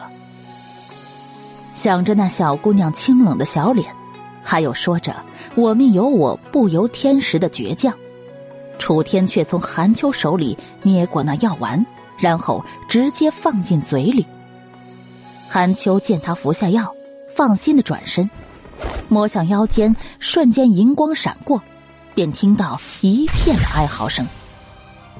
楚天却服下药，只觉得体内一片清凉，体内翻腾的气血像是遇上了阻力被压制下。也仅仅是片刻的功夫，楚天却便觉得自己又重新活了一次似的，站在原地稍稍调理了一息，再睁眼时，狭长的凤眸里满是戾气。随意的挑起地上的一把长剑，楚天却全身迸射出极强的杀气，内力灌注长剑，剑气之下，那些黑人被逼退一大半。云柯坐在横梁上，都感受到了楚天阙那浑厚的内功，似乎在此时，云柯才真正的领会到了楚天阙身上那势无可挡的霸气。蓦然记起。这个男人年少时可是从死人堆里爬出来的。要问大楚朝谁人最受宠，当属三王爷楚天阙。不仅仅是因为他的生母是皇上面前的宠妃，更因为他这个人杀伐决断。十二岁上战场，战场厮杀近十年，每一次军功都是实打实的。可是近两年来，京城里的恶霸生活，让人忘记了他在战场上的那些运筹帷幄。此时，云柯亲眼见证，却是对他多了几分畏惧。云柯在回神，下面已经躺了整片的尸体，尸体中间，楚天却一人持剑而战，华丽的紫衣上早已是鲜血斑斑，长剑尖上还在滴着血。这一幕怎么看怎么吓人，但云柯却隐约察觉到了楚天阙此时心里的不平静。不管这些黑衣人是谁派来的，但目的便是要楚天阙的命。如此多的仇敌围困，又是下毒又是刺杀的，这是得有多恨他？云柯敛眉，却见楚天却将手中的长剑。随意一扔，从怀里掏出一块帕子来，细细的擦着自己的手，眉眼上挑，红唇轻启，说出来的话却是险些让云柯从横梁上一头栽下来。他说：“今日承蒙云三小姐救命之恩，本王深为感动，又无以回报，不若以身相许，如何？”绝世的容颜，再加上张扬的语气，哪怕身上紫衣脏的不能入目，但他身上浑然天成的霸气却是不减半分。云柯远远的看着那个挺直着脊梁站立的男人，心里突然冒出一个想法来：如果由这个男人坐上帝位，那大楚朝定能再上一个台阶的吧？是君言讲故事。第八十一集，见云柯不语，擦好手的楚天阙朝着云柯所在的方向走来。云柯在上俯视而下，楚天阙在下仰头上看，四目相视的刹那，云柯被他眼里未来得及收敛的煞气惊扰，强自稳定情绪之际，却见楚天阙直接一跃而上，在他身边坐下。强烈的血腥味直扑鼻前，云柯眉头轻皱，略带几分不满的看向楚天阙，却见他恣意的在横梁上找了个极为舒适的位置躺下，那模样要多妖娆便有多妖娆。云三小姐还未回答本王的问题。躺得极为舒服间，楚天却还不忘提醒云柯。目光紧紧的盯着小姑娘的脸，心里暗自想着：这小姑娘不光是身段好，就连这小模样也是极好的。只是不知道这小脸捏起来是何滋味唉，还真是想试试看。两人之间离得极近，云柯这辈子只有十二岁，但前世他以为人父，更羞人的事情都经历过，因此在楚天却故意凑过来时，也只是稍稍往后仰了仰头，并没有想象中的面红耳赤。楚天却眸光一冷，似有些不解，但随后想到他说过的不想做六正王妃，当下便明白，此时这小姑娘只怕并没有将他当个男人看。你怕本王？凉凉的，外加几分明显威压，楚天却问的毫无压力。云柯看着那故意又往前移了两分的某人。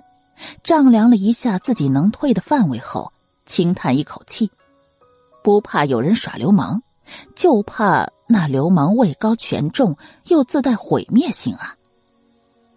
这么一想，云柯却是突然换了一张脸，故作娇羞的看了楚天阙一眼，然后用细若蚊虫的声音说道：“三王爷人中龙凤，又风流倜傥，云柯十分仰慕。”又怎会有害怕之理？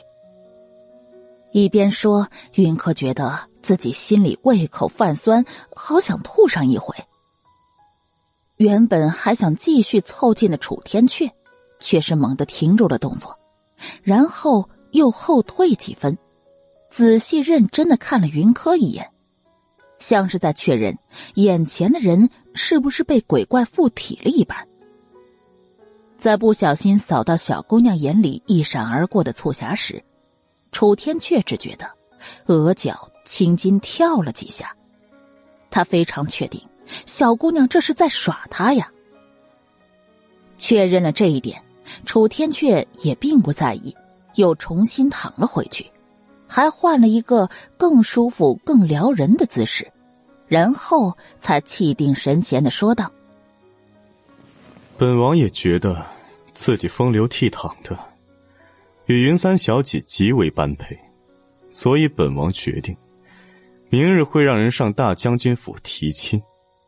什么？云柯差点被自己的口水给淹死，也顾不上再装娇羞了，直接抬头瞪向那个洋洋得意的男人。谁要嫁给他了？而且他可没忽略，他说的。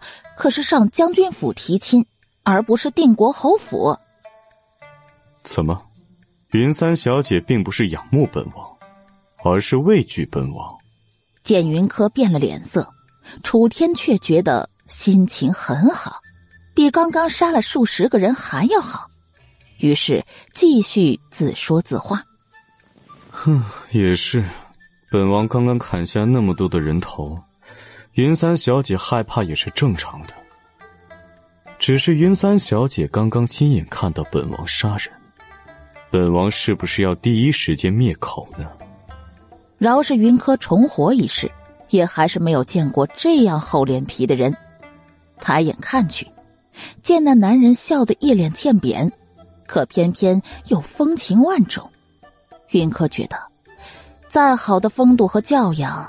在此时都不管用啊！他苦心经营的冷静自持形象，更是马上就要破功了。是君言讲故事第八十二集。深吸一口气，然后又狠狠的呼出去，云柯才勉强压下出手揍人的冲动。王爷龙章凤姿。犹如那天山雪莲般，但小女却如污泥低贱，实在是不配王爷。想来，王爷也不过是玩笑之语。最后一句话，云柯几乎是咬牙切齿说出来，有意想趁机跃下横梁，却发现后路被某人的长腿给堵得死死的。三小姐怎么能自贬身价呢？就凭将军府表小姐这么个身份，就足以与本王匹配了。只是本王不如六弟那样来者不拒，不能给三小姐正妃之位，给个侧妃还是可以的。楚天阙说的臭屁无比，但云柯翻白眼之余，却是想补上一句：“哼，你的正妃是给武阳郡主留的吧？”怎么，云三小姐可是对本王说的话有异议？楚天阙挑了挑眉。好看的桃花眼一直不停的释放着高压流光。三王爷想多了，若小女真要嫁进皇家，也只会选择六王府正妃之位。这小妾的位置，小女很不喜欢。云柯这辈子是打死都不会再入主六王府，但比他入主六王府更难接受的是，给楚天阙当侧妃。他脑子又没坏。为什么要跟这个男人扯上关系呢？而且还是个侧妃，完全不考虑。哦，想不到云三小姐还是个心气儿高的。楚天却轻呵一声，说的随意，但心里却因为云柯宁愿嫁给楚逸轩，也不愿意嫁给他，给恼上了。明明这小姑娘之前还说过不想嫁进六王府。这会子却说宁愿嫁进六王府，也不愿意跟他扯上关系，这说明什么呢？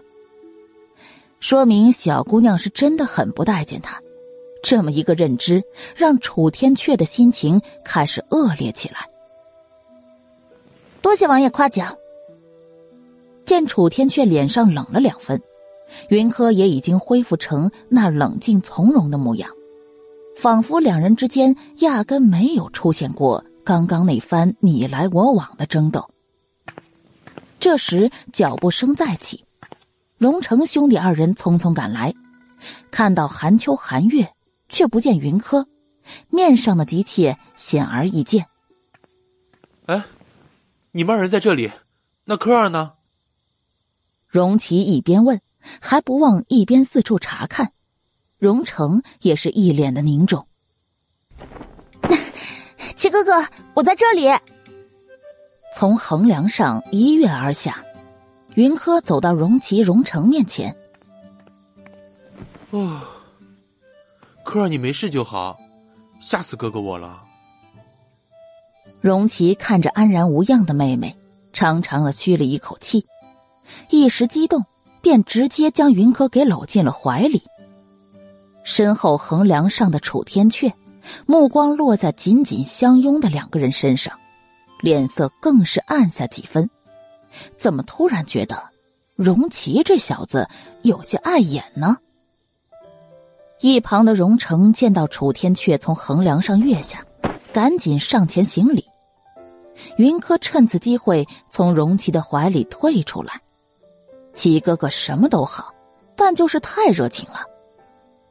荣琪不知道云柯心里所想，再次将他打量一番，确认他没有受伤，才放下心来。只是在看到一身血迹的楚天阙时，大吃了一惊。嚯，你怎么这副鬼样子啊？被女人强上也不至于一身血呢。荣琪此话一出，云柯突然被口水呛到，韩秋赶紧上前替他顺气。他，则是幽怨的扫了一眼荣琪，那小模样让荣琪心虚的摸了摸头。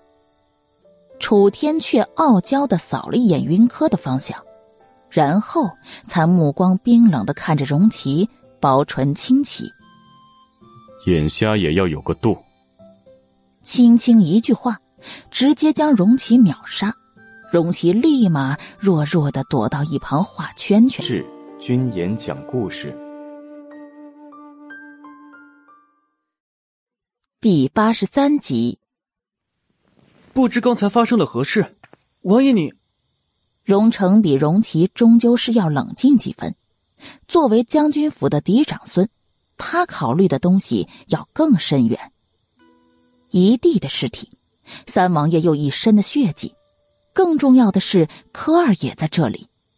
荣成觉得脑门有些疼，光是楚天阙堂堂王爷，却在深夜闹事遇刺，这就不是一件普通的事情啊！如荣少卿所见，这些刁民想刺杀本王，所幸有云三小姐相救，本王才能幸免于难。楚天阙说着，目光灼灼的看着云柯。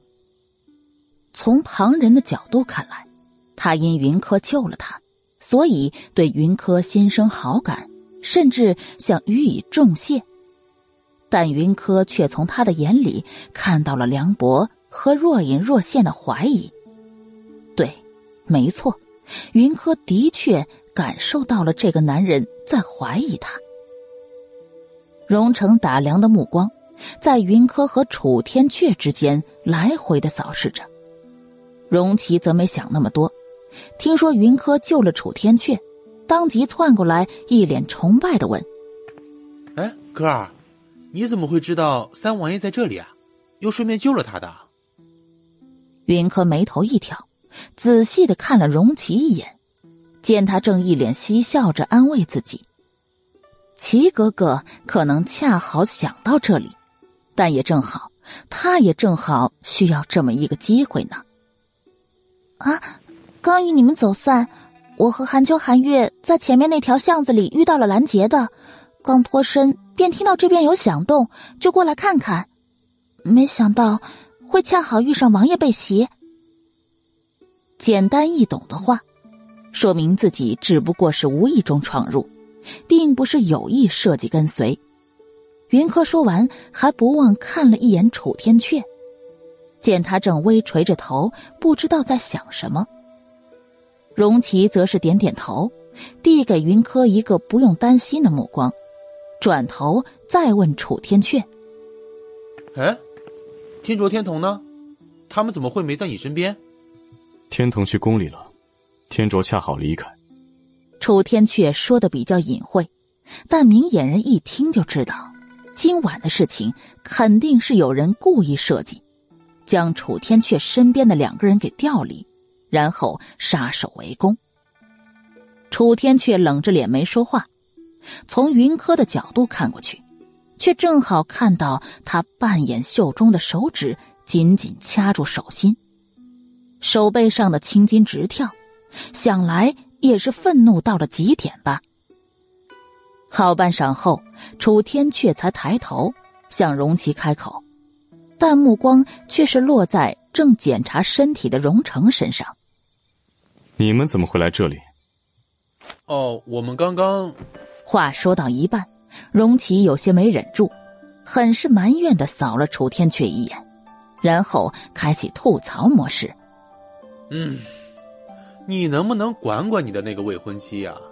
整个湖心岛上，因为他当街纵马，踩伤挤伤的人高达数十人，他不但不知悔改，还大声嚷嚷着“贱民该死”。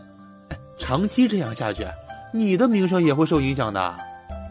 云柯被荣琪的话吸引住，不但好奇楚天阙的那个未婚妻是谁，更是好奇荣琪为何可以这样跟楚天阙说话。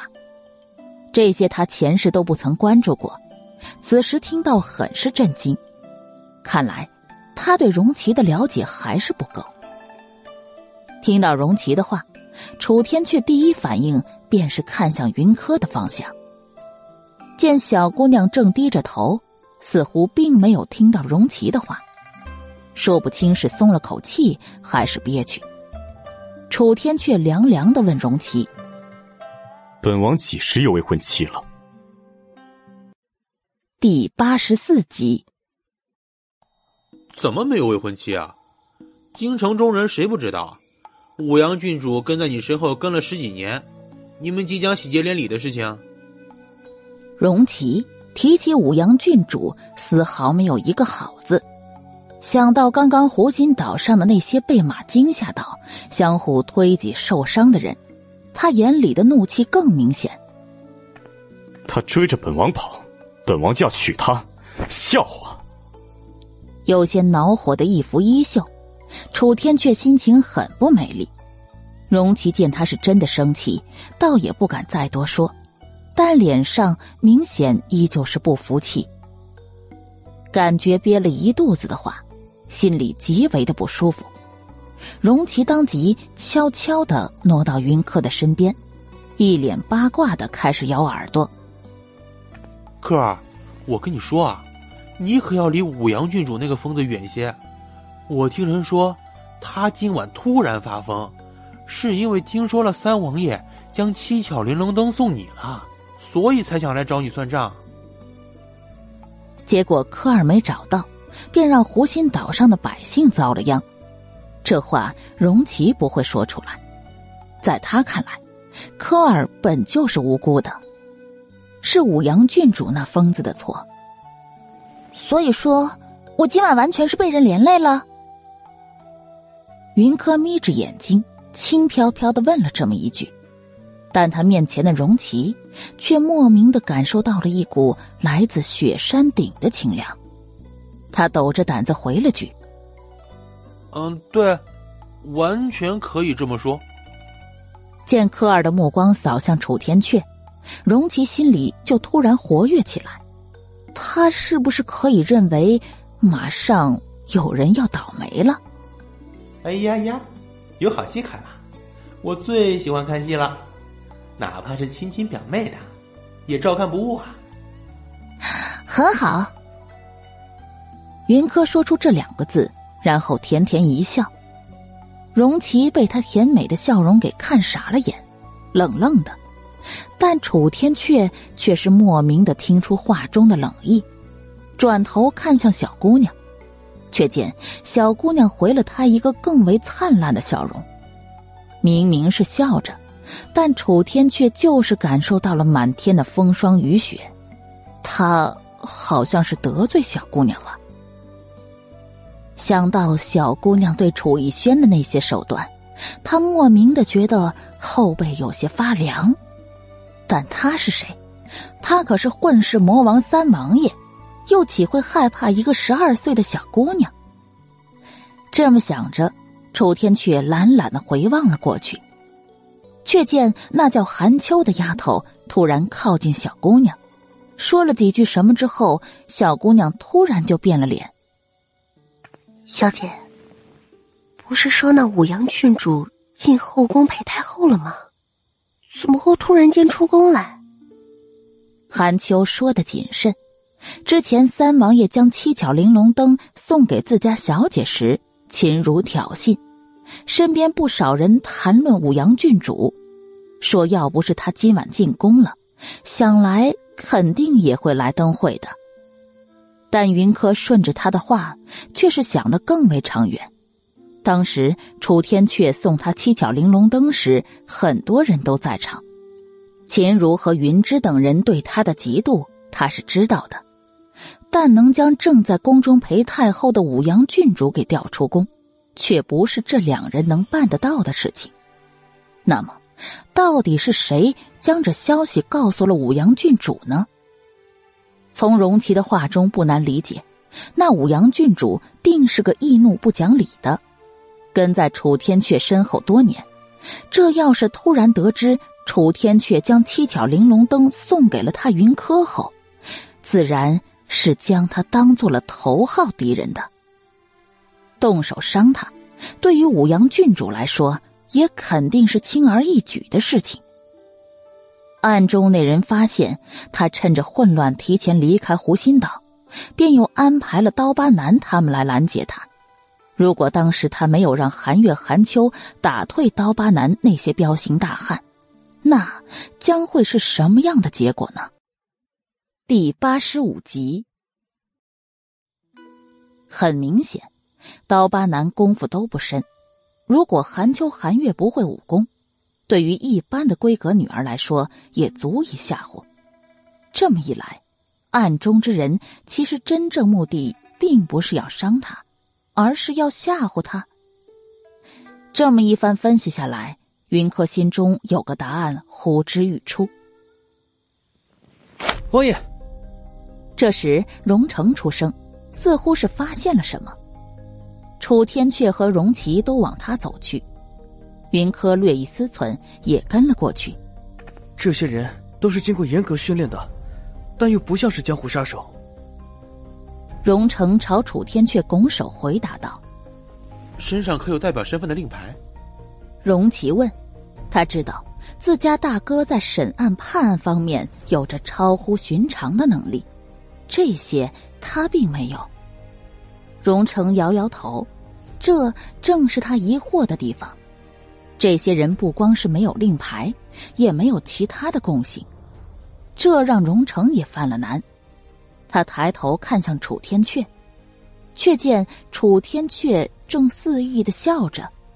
这些人是死士，不用多查，本王也知道这些人是谁派来的。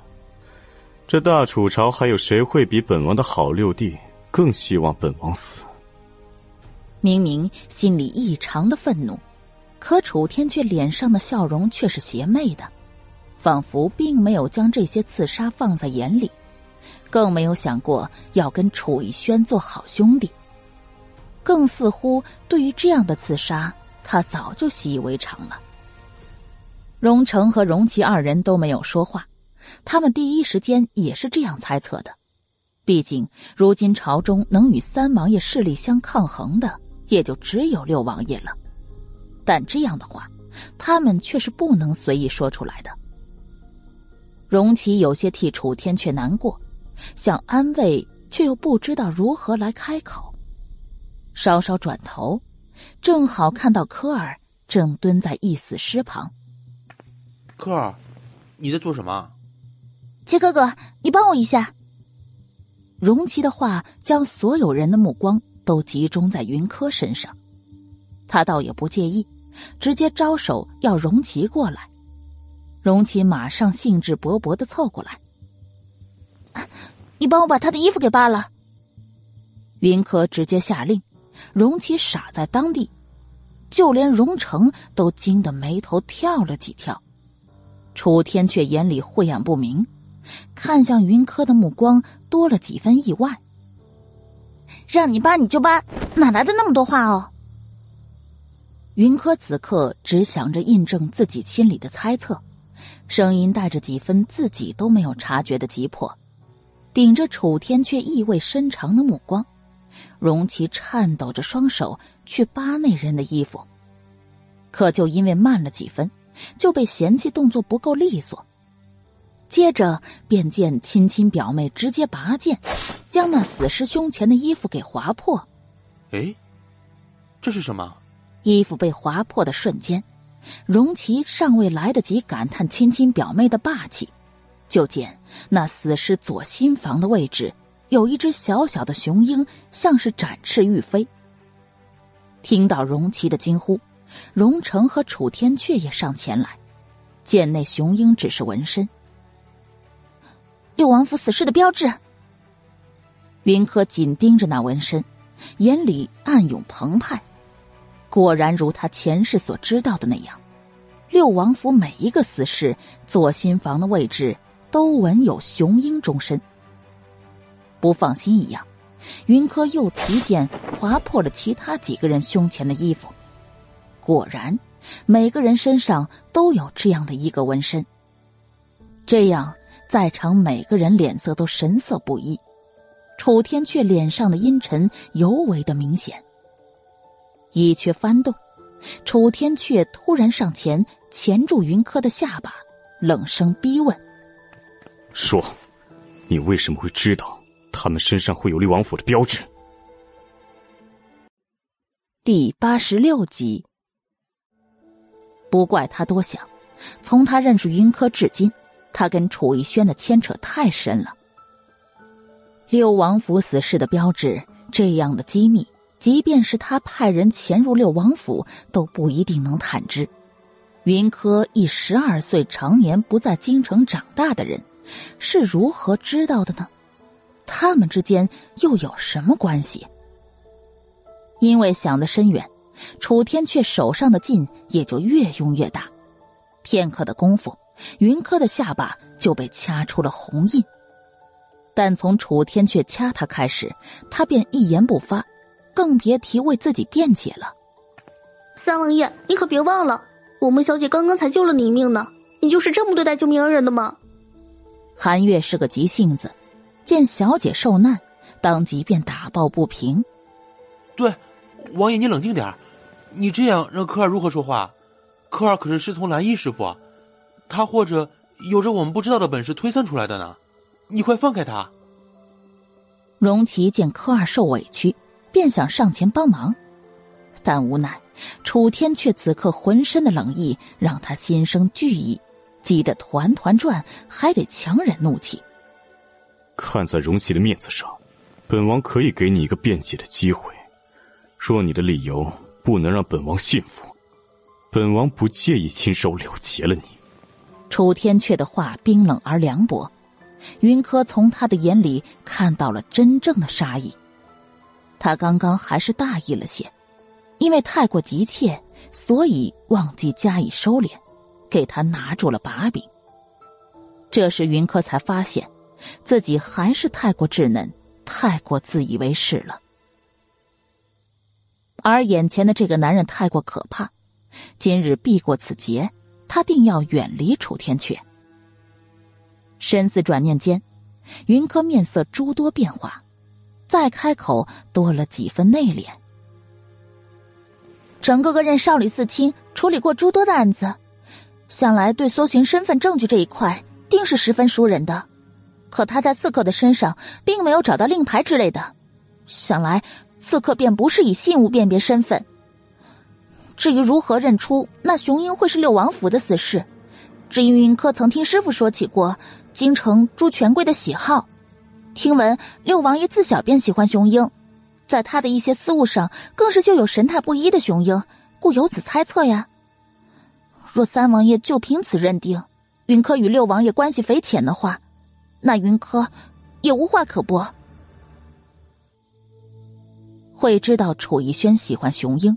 自然是因为前世做了几年的枕边人，楚逸轩的穿着全部都是由他打点，他甚至还亲手为楚逸轩缝制过衣服，自然是知道的。但这会子这样的话却是不能说的，为了不让楚天阙起疑，他只能假借师傅的名号。见云柯给出了合理的解释，荣琪当即便站出来护妹。哎呦，科尔如何会与那楚逸轩同流合污啊？他对楚逸轩厌恶着呢。从蓝衣师傅那里知道楚逸轩有这喜好，再加以推算，这也是正常的。王爷，你想多了。科尔他身子娇嫩，要是等会儿子让祖父祖母知道，我们兄弟将他带出去玩，却带一身的伤回去，我们兄弟两个就等着以死谢罪吧。楚天却认真的看着云柯。只见他眉眼淡然，并没有半分被抓包的恐慌和害怕。他知道原因绝对不止云哥自己说的这些。楚逸轩的这些小癖好，他让人查都查不到。蓝衣师傅远在灵山，如何会知道呢？但看小姑娘那模样，想来也不会说出真正的原因来。也罢，他不说，他自会去查。如荣奇所说，今时今日的确是不适合跟大将军府对上。这么想着，楚天阙便松开了手。第八十七集，重获自由的云柯，只觉得自己的下巴处如同火烧般的难受。哎呀，还真的红了！哎呀，这下可怎么办？我们可是在祖父祖母面前立了军令状的。嗯，完了完了完了，这下真的完了。荣琪急得团团转，荣成的目光也都停留在云客的下巴上。只见小姑娘原本娇嫩无比的肌肤上，此刻红了一大圈，极为的明显。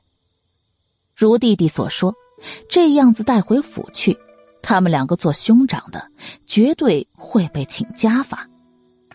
王爷今日之举甚是不妥。难得的，荣成也说了句重话。楚天却话到嘴边，终究是没有出口，目光晦暗的看向小姑娘。见她此刻脸眉不语，那模样倒真有几分可怜。想着今日的确是因为有云柯在，自己才能免去不少的麻烦。小姑娘又是让丫头帮忙，又是赠药的，她这么冲动，确实是有些对不住小姑娘。这么想着，楚天却便直接从怀里掏出一瓶小药膏，抛向荣琪：“这是齐白研究的玉肤膏，你让他抹上一点，应该会好一点。”在小姑娘清令令的目光看来时，楚天却竟然有些心虚了。假咳一声，然后直接离开。听到齐白的名号，荣琪兴致勃勃的送到云柯的面前，还不忘解释一番：“哎，柯儿，那齐白可是难得的一毒双圣，他研究出来的东西啊，绝对没有虚的。哎，你快擦上吧。”齐哥哥跟三位也很熟络吗？云柯轻轻的问。刚刚两人之间说话的方式，那绝对不像是泛泛之交。荣琪稍稍愣神，然后坦然承认：“啊，经常在一起喝花酒的，所以熟了那么几分。”阿奇，有些事情祖父不说，二叔不说，你自己也还是要有分寸的。荣成望着楚天却离开的目光，目光有些低沉。将军府的处境可谓是异常的艰难，祖父的意思是他们不偏向任何一个皇子，只忠君罢了。荣琪眼里金光闪过，但脸上却是一派无赖。嗨，分寸我自是有的，将军府有大哥你撑着就行，我就活得随意些了哈。那轻松的模样，倒像是讨论今天晚饭吃什么一般。荣成被他说的有些头疼，趁此机会，云柯将楚天阙给的玉肤膏给收了起来，然后重新拿自己研究的雪肤膏出来。韩秋稍愣，但瞬间也明白，手脚麻利的替云柯抹了药膏。哇，哥儿，这药性这么好啊！荣琪咋咋呼呼的，云柯淡笑不语，也不点破。夜色已深，荣成让荣琪护送云柯先行回到将军府，他则留下了善后。坐在将军府的马车上，云柯将韩秋召来，在他耳边低语了一阵，韩秋便消失在夜色中。哎，柯儿，你让韩秋去做什么？啊，让他去确认一件事情而已。我们先回去吧，韩秋会直接回将军府的。事情没有确认之前，云柯并不打算拿出来说。荣琪纠结着要如何向祖父交代科尔受伤的事情，所以并没有看到云柯眼里的幽光。回到将军府时，荣章夫妇已经早早的睡去。荣琪则带着云柯去了荣臣氏那里汇报了几句，便将云柯送回仙云阁休息了。云柯刚洗漱完，韩秋便回来了。小姐，如你所料，奴婢真的在六王爷宫里发现了根香虫。第八十八集。哼，很好。云柯冷笑，看来他心里的那个猜测也得到了证实。今晚所有的一切都是楚逸轩设计的。先是让武阳郡主得到消息，说他得了三王爷的七巧玲珑灯，以武阳郡主的冲动易怒，自是第一时间赶到湖心岛，制造混乱，让他与两位表哥错开。因他及时离开了湖心岛，楚逸轩便安排人在湖心岛的各个出口，一旦发现他们主仆，便拦截。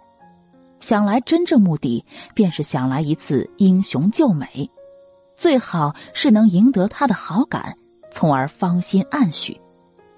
可是没想到，韩秋、韩月武功会这么好，担心会露馅，便将人匆匆调离。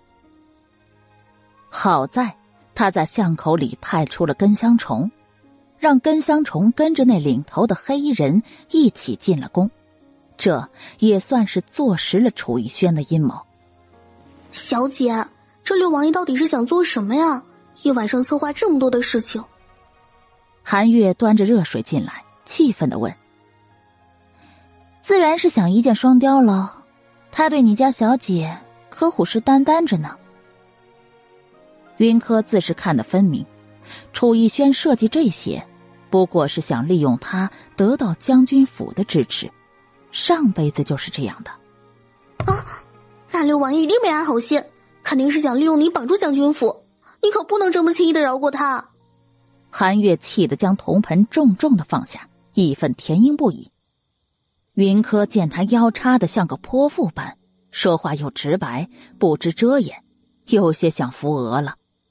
韩秋轻咳一声，瞪了韩月一眼，然后又向云柯解释道：“小姐，韩月他并不是说小姐你自身不好，他的意思是……”韩月不明白为什么自己又被姐姐瞪了。但小姐面前又不敢多言，摸了摸头，仔细的回想自己刚刚说了啥，细细品味，好像的确不太妥当。想解释，却见小姐正似笑非笑的盯着他。小姐，我的意思是，你真的很好，没必要跟那人渣六王爷扯上关系，这样不值得。那人一看就不是个好的。见他这话说的终究是圆润了些，云柯也就不再计较，起身走到书桌前，韩秋赶紧磨墨。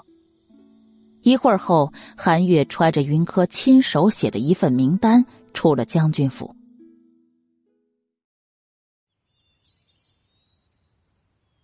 新的一天，大楚朝堂上炒成了一锅粥，起因是御史弹劾六王爷监管不力。纵容属下收受贿赂，楚皇坐在龙椅上，整张脸风雨欲来，可下面仍在争吵不休。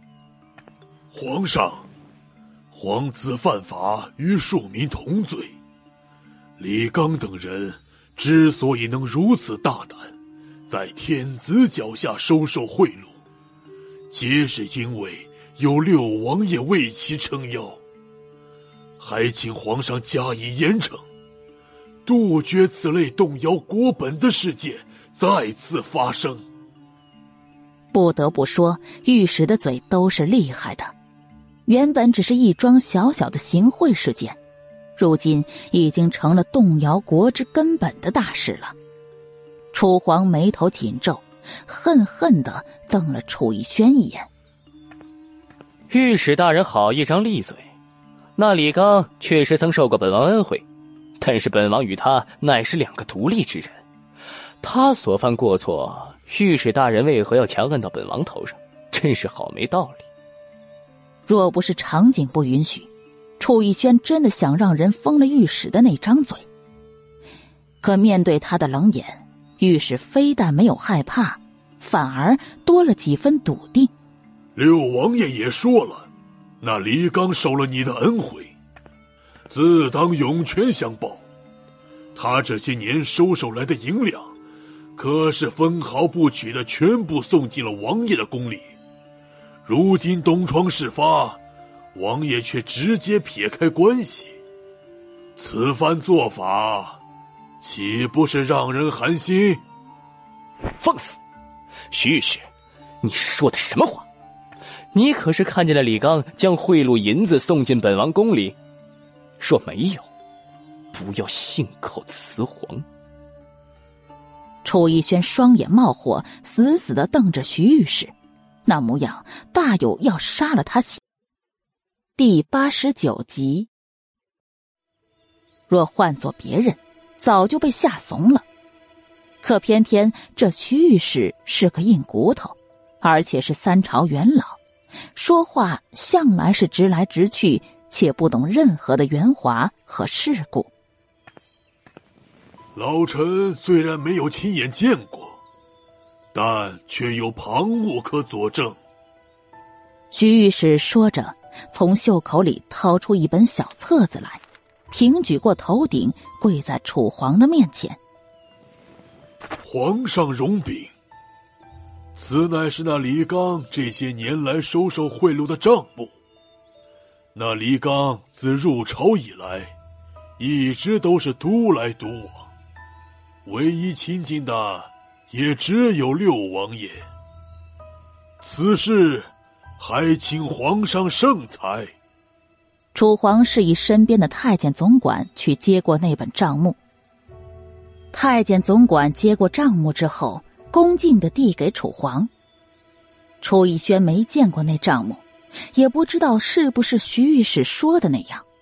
此时，只能紧张的盯着龙椅上的父皇，眼见着他脸色越来越难看，楚逸轩心知不妙啊，尚未来得及做出反应，就被楚皇扔了个正着。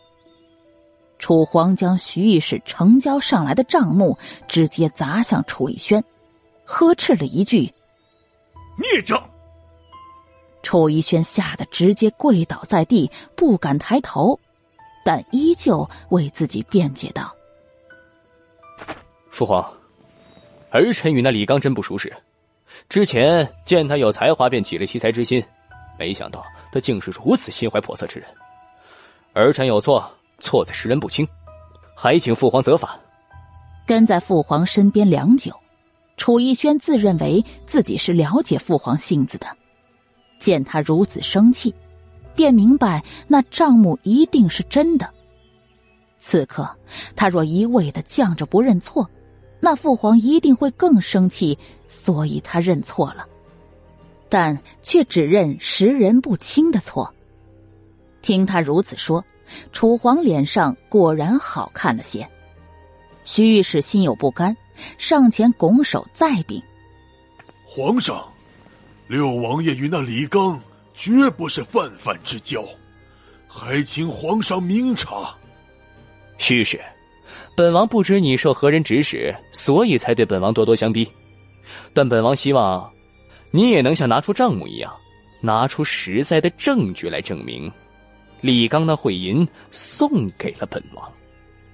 楚逸轩侧手冷嘲的看着徐御史，显然对他这样步步紧逼的行为很是不满。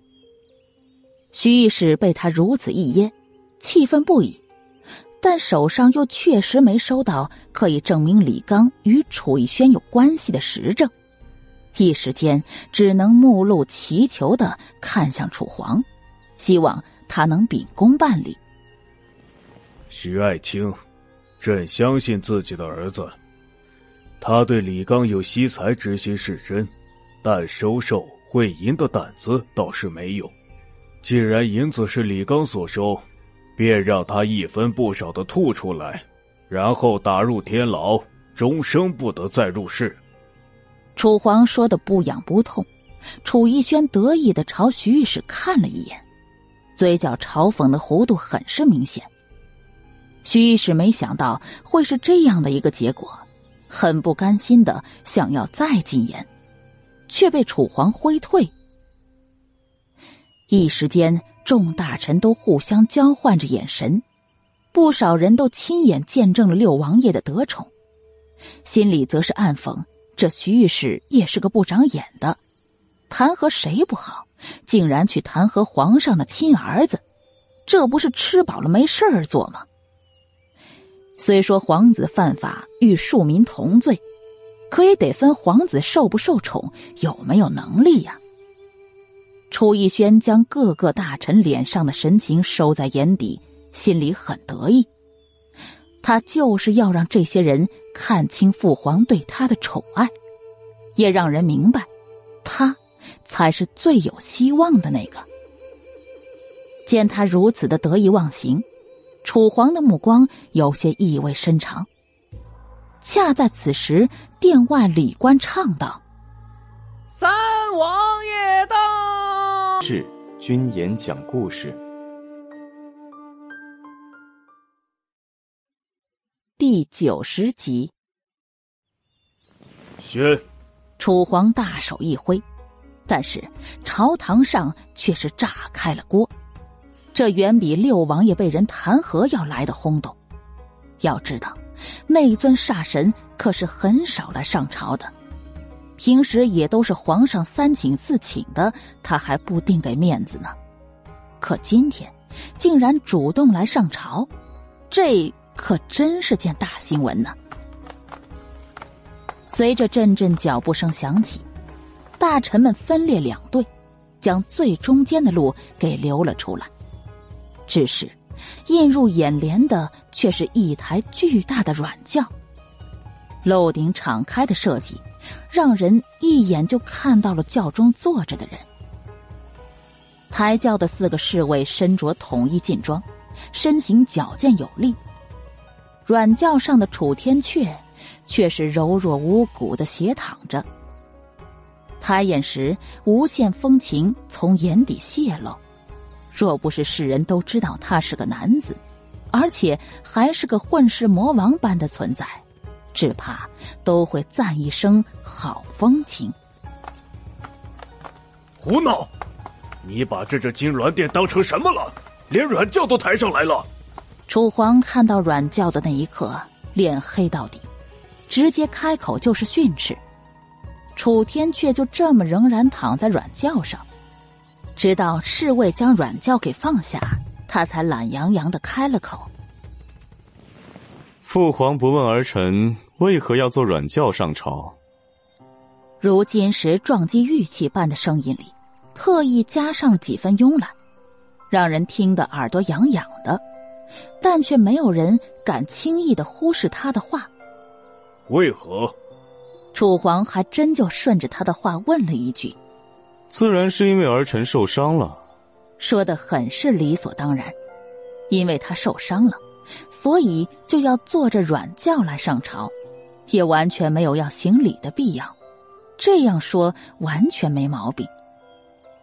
听到“受伤”二字，群臣们议论纷纷起来，有质疑楚天阙是否真的受伤，也有人质疑他明明身为战神王爷，为何还会受伤呢？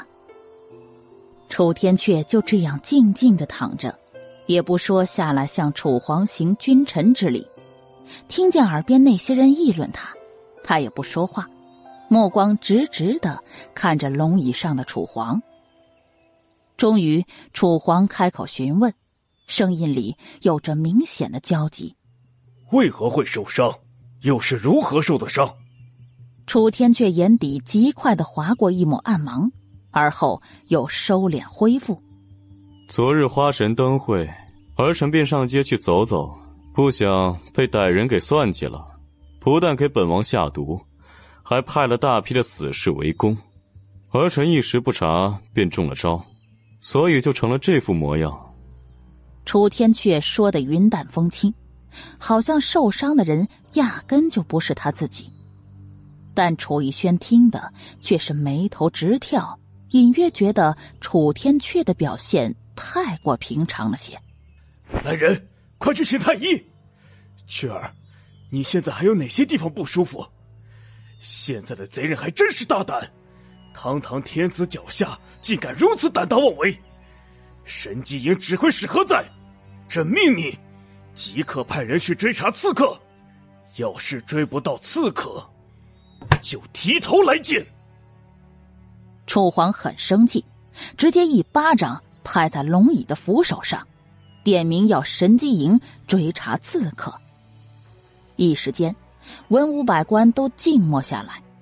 天子脚下竟然还有人胆敢刺杀皇子，这的确是大事一件。